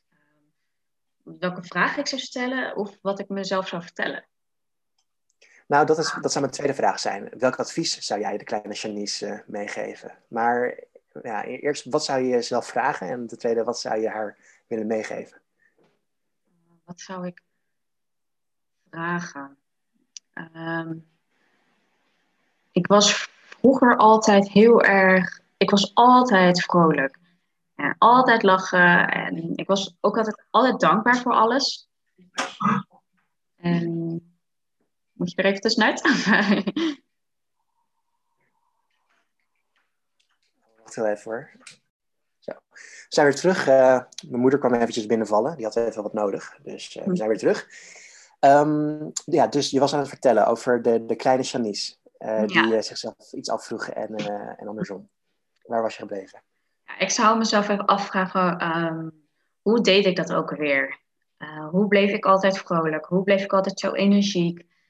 En, en waar een beetje ben ik dat ook weer kwijtgeraakt? Op een, een punt in je leven, toen uh, werd ik heel erg onzeker en lachte ik niet meer. En uh, ik ben het ergens een keertje verloren. Ik heb het ook weer, weer teruggevonden. Maar ik weet gewoon hoe, hoe ik als kind was. Weet je, gewoon altijd energiek, altijd lachen. En dat zou ik, en dat was ik gewoon elke dag. En dat, uh, dat zou ik misschien afvragen: oké, hoe deed ik dat ook alweer? En het advies wat ik mezelf zou geven als uh, klein meisje, uh, ik zou zeggen, twijfel nooit aan jezelf. Weet je, je bent gewoon op de go goede weg, je doet alles goed. En gewoon never doubt yourself. Always, ja, geloof, geloof er altijd in. Dat, dat is denk ik... Ik, ik zal gelijk eventjes een van mijn favoriete vragen gelijk daar uh, aan volgend op stellen aan je. Ja. Um, wat, wat zou de, de 80-jarige Janice als advies meegeven aan de Janice van nu? Um, um, ik denk uh, dat ik nu zou zeggen tegen mezelf: maak je niet te veel zorgen, je komt er wel. Je gaat er komen, je gaat het leven leiden wat je wilt leven. Dus don't worry, just keep going. Mooi, ja. En dan komen we dus nu bij uh, de vraag die vraag nummer 19 eigenlijk was. Welke vraag mhm. zou jij jezelf willen stellen? Ja. Um, ik zat na te denken wat ik zou zeggen. Ik zat aan te denken van, nou ja, ben ik, uh, uh, ben ik genoeg dankbaar geweest het afgelopen jaar? Heb ik genoeg stilgestaan bij de mooie momenten? maar toen dacht ik aan, ik doe bijvoorbeeld ook veel card readings voor mezelf. Dan leg ik kaarten en dan kwam, en deze week vorige week heb ik dat gedaan. En er kwam één thema terug ineens deze week. Dus je zit altijd even in een periode. En ik pak heel vaak dan ineens dezelfde soort kaarten. En daar komt eigenlijk de, uh, de general question, of de algemene vraag elke keer terug van... Uh, wees eerlijk naar jezelf toe. En ik was eerst zo van, oké, wat bedoelen ze daar precies mee? Uh, ben, ik, ben ik eerlijk tegenover mezelf? En toen ging ik erover nadenken en toen dacht ik van oké, ja, ik denk dat het heel erg uh, te maken heeft met de relatie die ik nu uh, met mijn moeder heb. Die is nu, uh, ja, die is gewoon nu niet zo goed. En ik heb mezelf wijsgemaakt dat dat nu voor mij het beste is en dat ik er geen last van heb en dat, ik, dat het goed gaat met mij. En ik denk dat ik daar niet helemaal eerlijk over ben. Zeker tijdens de kerst merkte ik dat ik daar wat emotioneler over werd en dat ik daar dus ik dacht, misschien bedoelen ze dat dat mee, dat ik af en toe uh, mezelf dan stoerder voordoe dan dat ik misschien daadwerkelijk ben. En dat het ook oké is om daar ook eerlijk tegenover te zijn als je ja, in je eigen ogen dan wat die zwakkere puntjes hebt, die zwakkere momenten voor iemand. En zeker als het met ja, iemand te maken heeft als je moeder. Dus ik denk dat daar uh, inderdaad, dat dat mijn vraag is van, oké, wees altijd eerlijk over, tegenover jezelf, ongeacht uh, het een positieve of, of negatieve situatie is. Dus, ja, heel, knap om uh, ook op zo'n kwetsbare manier naar jezelf te kunnen kijken. Hè? Mm um, zeggen ze dat, dat, dat kwetsbaarheid is juist uh, je grootste kracht. Ja. En anderzijds, wat ook gelijk in me opkomt, is dat hè, uh, toch het einde van het jaar, oudejaarsdag. Dus laten we maar ingooien voor mensen die er mogelijkwijs iets aan hebben. Maar dat is de zin, forgiveness is freedom. Ja heeft het zin om nog steeds uh, die dingen bij je te dragen? Mm-hmm. Of is er misschien tijd om er afstand van te nemen? Want het geeft je iets anders daarvoor terug. Ja. Uh, vrijheid. Ja. Precies. Mm-hmm. Zeker, mooi. Ja. Cool, cool, cool. Mm-hmm. Nou, uh, finally, vraag nummer 20 van de, de 20 vragen om terug te kijken op 2020. En dat is de vraag: wat zijn drie mooie of bijzondere momenten die je meeneemt uit 2020? Um, kijk, als ik de tijdlijn afga, dingen die me zijn bijgebleven zijn. Um, nou, ik denk uh, de laatste uh, periode van mijn NLP-opleiding. Dat ik ook dus mijn certificaat kreeg. Uh, dat vond ik, ik heb daar trouwens ook hele mooie mensen ontmoet en ook hele mooie connecties gemaakt. Daar ben ik ook altijd dankbaar voor. En de laatste dag, want je krijgt bij NLP altijd de tijd om wat te delen. Dus sommige mensen gaan dan naar het podium en die delen ja, wat ze dwars zitten of iets wat ze mee hebben gemaakt. Het kan mooi of niet mooi zijn. Het gaat puur over dat je je veilig voelt in de ruimte en dat je dat dus durft te delen. En dat je dus een uh, veilige groep om je heen hebt. En ik had nooit het gevoel dat ik wat wilde delen, maar ik, had wel zo in mijn hoofd van oké, mijn doel is wel om een keer wat te delen. En toen ben ik dus ook, uh, de, en ja, de laatste, laatste dag van NLP heb ik dus dat ook eindelijk gedaan. Ben ik naar voren gegaan en uh, ja, me kwetsbaar opgesteld. Ik dacht, oké, als ik mijn eigen bedrijf heb, moet ik ook uh, dus mezelf ook durven te laten zien. En dat was dus ook een doel van mij. Dus ik dacht van, oké, dit is wel een doel voor mij. tijdens deze NLP-opleiding, dat ik gewoon naar voren stap, mezelf laat zien, mezelf laat horen. En ja, dat heb ik dus toen ook gedaan. En dat ging over uh, ja, dat ik uh, die week daarna me, voor het eerst mijn masterclass geven. Dus dat vond ik onwijs eng. Dat heb ik toen daar op tafel gegooid. En nou, waren heel hartstikke supportive. Echt superleuk. Sommigen hebben zelfs meegedaan naar mijn masterclass. Dat is dus echt één moment dat me ook echt uh, bijgebleven is. Een ander moment is natuurlijk UPW. Van Tony Robbins, die vier dagen. Nou, die waren gewoon echt geweldig. Die waren awesome. En die zijn me nog steeds bijgebleven heel erg, uh, daar heb ik heel erg het inzicht gekregen natuurlijk over het vlees eten. En ook, um, dat inzicht heb ik eigenlijk niet heel lang geleden gekregen. Maar uh, ja, dat ik, ik had natuurlijk net gezegd dat ik ja, zat te huilen op de bank toen ik die, over die varkentjes en die koetjes zag, of die kalfjes. En ik voel eigenlijk ook dat het ja, bijna mijn missie is in het leven uiteindelijk als ik de middelen heb om daar ook wat mee te doen. Want ik heb zoveel emotie daarbij en ik denk dat ik later uh, daar dus ook wat voor wil betekenen. Dat ik op een of andere manier die dieren uit die situatie kan redden. Of iets anders in die richting. Dat, ik denk echt wel dat daar ook mijn ziel uiteindelijk ook ligt. Maar daar wil ik eerst de middelen voor hebben. Dus mijn eigen bedrijf opbouwen. Eerst op mezelf focussen in ieder geval. En de andere is, wat minder business-wise, mijn derde punt, uh, was uh, tijdens kerst. Toen zat ik de eerste kerstdag bij mijn schoonfamilie. En mijn schoonmoeder had onwijs lekker gekookt. En we zaten gewoon met z'n allen aan die tafel. En ja, dat gaf me ineens zo'n verschrikkelijk warm gevoel. Um, want ze zitten daar niet vaak aan tafel hoor. Dus meestal pakken ze een bordje en dan gaan ze op de bank zitten. Dit was gewoon echt, gewoon echt family time. En merkte ook echt dat ik dat nodig had. En ik vond het zo mooi en het was zo warm. En ja, dat is ook een moment die mij gaat bijblijven vanuit 2020.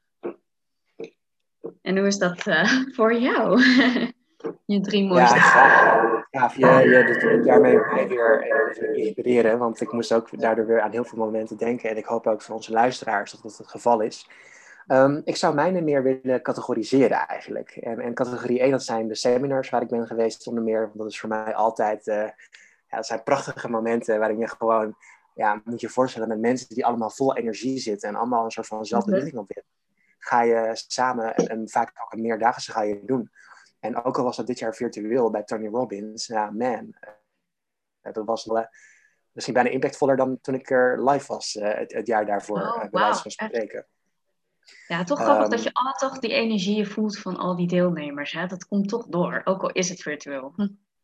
Ja, ja uh, absoluut. En um, ja, dus dat, dus dat is wel een punt wat ik eigenlijk wil noemen. Uh, als ik ook kijk, terugkijk naar mijn jaar, dan is het een beetje op te delen in, in, in drie uh, periodes. Eén, een periode waarin alles gewoon helemaal koekenij was, de beginperiode. Uh, en waarin we gewoon, ja, 2020 mijn mooiste jaar ooit leek te worden. Nou ja, toen kwam mm -hmm. corona. Dat was eventjes mhm. de, de wat mindere periode, om het maar zo te zeggen. Gewoon echt wel wat meer zoekende geweest. En toen eigenlijk sinds de zomer ongeveer, toen ging het wel echt weer uh, bergopwaarts. En uiteindelijk uh, alleen maar mooier en steiler bergopwaarts. En ik hoop dat dat, uh, dat, dat heel lang zo mag blijven. um, dus, dus zodoende. Um, en, en toen je dat noemde over je familie, moest ik ook gelijk weer denken aan, um, nou, dan toch inderdaad een van de weinige keren dat wij met de familie zijn samen geweest dit jaar. Want normaal doen we dat best wel vaak. Maar ja, ook, ook des te, te dankbaarder kijk je er op terug dat je eigenlijk zo'n leuke familie hebt. Uh, Van zowel vaderskant als moederskant. Mm -hmm. hè, en, en ook daar geldt weer die onvoorwaardelijke liefde. Uh, althans, die, die, die voel ik. En ehm, ja, ik ben in die zin gezegend dat wij echt een familie hebben van beide kanten die uh, ja, ja, in die zin toch wel best wel close is, maar leuk, gezellig, het is gewoon goed, weet je. Uh, weinig, uh, weinig oordelen in die zin en je kan gewoon lekker, ja, ook, ook, dat is toevallig wel een beetje iets, iets van onze Indische karakter trekken. Mm. dat noemen we kampangan doen en dat betekent, de, de, van de kampong komt dat, van het dorp in Indonesië, dus gewoon eigenlijk een beetje lekker dom doen. Hè? Um, en, en dat is in beide families is dat echt een soort van kenmerk met bepaalde uh, stopwoordjes en lezen. En dat haalt altijd de spanning uh, eraf. En dat is altijd heel herkenbaar en grappig. Um, ja, dus dat is toch wel heel erg fijn, want ik weet inderdaad dat er ook genoeg families zijn die, um, die, die misschien, nou ja, soms wel misschien zelfs um, verscheurd zijn. Hè? Nogmaals, uh, dus is freedom, zou ik dan nog maar een keer willen noemen. Ja, dus ik, ik, ik vind het altijd moeilijk om een bepaalde, bepaalde momenten aan te stellen van ja, dat was echt geweldig. Het is voor mij ook op een gegeven moment, een bepaald moment, dat ik dus het inzicht had van nee, ik wil niet voor iemand anders werken. Ik wil gewoon echt mijn eigen ding echt opbouwen. Ja, ja dat was ook gewoon een kantelpunt. In die zin, wat waren je kantelpunten afgelopen jaar? Uh, het kantelpunt dat ik me besefte dat ik uh, toch echt wel meer wilde gaan sporten en, en meer aan mijn lichaam wilde gaan werken. Ja. En uh, ja, ook uiteindelijk ja, kantelpunten om de sprong te wagen om ook met uh, ja, andere mensen te gaan sparren en, en dat soort dingen. En om met Jeroen weer uh, in zee te gaan. Precies. Dus um, ja, weet je, uh, terugblikkend op 2020. Um, ehm, ja, dat zou oorspronkelijk het jaar zijn, geloof ik, waarin de wereld weer zou vergaan. maar we leven nog steeds. het is inmiddels 21 december geweest. Mm -hmm. volgens de Maya-kalender, geloof ik. dus ja, we gaan het, het, jaar van de hoop tegemoet, 2021. Um, nou, ik denk dat de podcast die wel uh, lang genoeg is inmiddels. Dus uh, we gaan misschien maar een andere keer uh, het hebben over alles wat nog komen gaat. Dus mm -hmm. ja, hartstikke leuk, Janice, om jou te hebben mogen ontvangen hier zo in de digitale studio. En, um, ja, graag gedaan. Nou, het is en nog, jij natuurlijk... Hoe lang? Het is nog ongeveer ja, nog een kleine twaalf uur tot aan 2021 op dit moment. Dus geniet van de oliebollen en de appelflap en het samen zijn met, met de dierbaren. En ja, um, ja het, hetzelfde geldt voor jullie, uh, beste luisteraar. Uh, hopelijk heeft, dit, uh, heeft deze podcast, dit gesprek, en uh, ja, ik, ik, weet eigenlijk niet wat het was, deze 20 vragen, ook voor jullie een hoop inzicht en inspiratie opgeleverd. Dat je toch denkt van, goh, wat was 2020 toch nog best een heel mooi jaar, positief jaar, met ook heel veel dankbaarheid. En uh, ja, mogen 2021 het jaar van uh, de overvloed worden voor iedereen. Heb jij verder nog iets te, te, te zeggen, Janice, voordat we uit de ether gaan? nou ja, ten eerste ja, graag gedaan natuurlijk. En ook bedankt voor uh, ja, dat je überhaupt deze podcast met mij wilde opnemen. Ik voel me vereerd daarbij. En dat we natuurlijk ook samen dat Leef je mooiste leven jaarprogramma gaan doen. Dus uh, ja, dat vind ik onwijs tof en superleuk. En uh, ja, heel erg bedankt. En uh, ik vond dit ook heel erg leuk om te doen. En ja, en ik hoop dat ja, mensen die hier naar luisteren, hier inderdaad inspiratie bij hebben gehaald. En, mochten ze nog vragen hebben, kunnen ze natuurlijk mij altijd bereiken. Jou vast ook wel. en ja, en ik hoop dat jij en iedereen gewoon ja, een prachtige jaarwisseling heeft. En dat 2021 gewoon vol nieuwe kansen liggen. En uh, dat het inderdaad het jaar van uh, opportunity wordt. yes. En heel belangrijk, wees voorzichtig met vuurwerk vanavond. Ja, volgens mij uh, mogen we niet zoveel vuurwerk. Je sterren, exact, exact. Dus als je het doet, hè, kijk of er geen politie om de hoek staat. Nee hoor. Zeker. Nee, hartstikke leuk. Nogmaals. Um, ja, wil je meer over ons weten? Kijk dan dus op, uh, in Janice's geval op uh, gettingcontrol.nl, als ik me niet vergis. Uh, met de streepjes.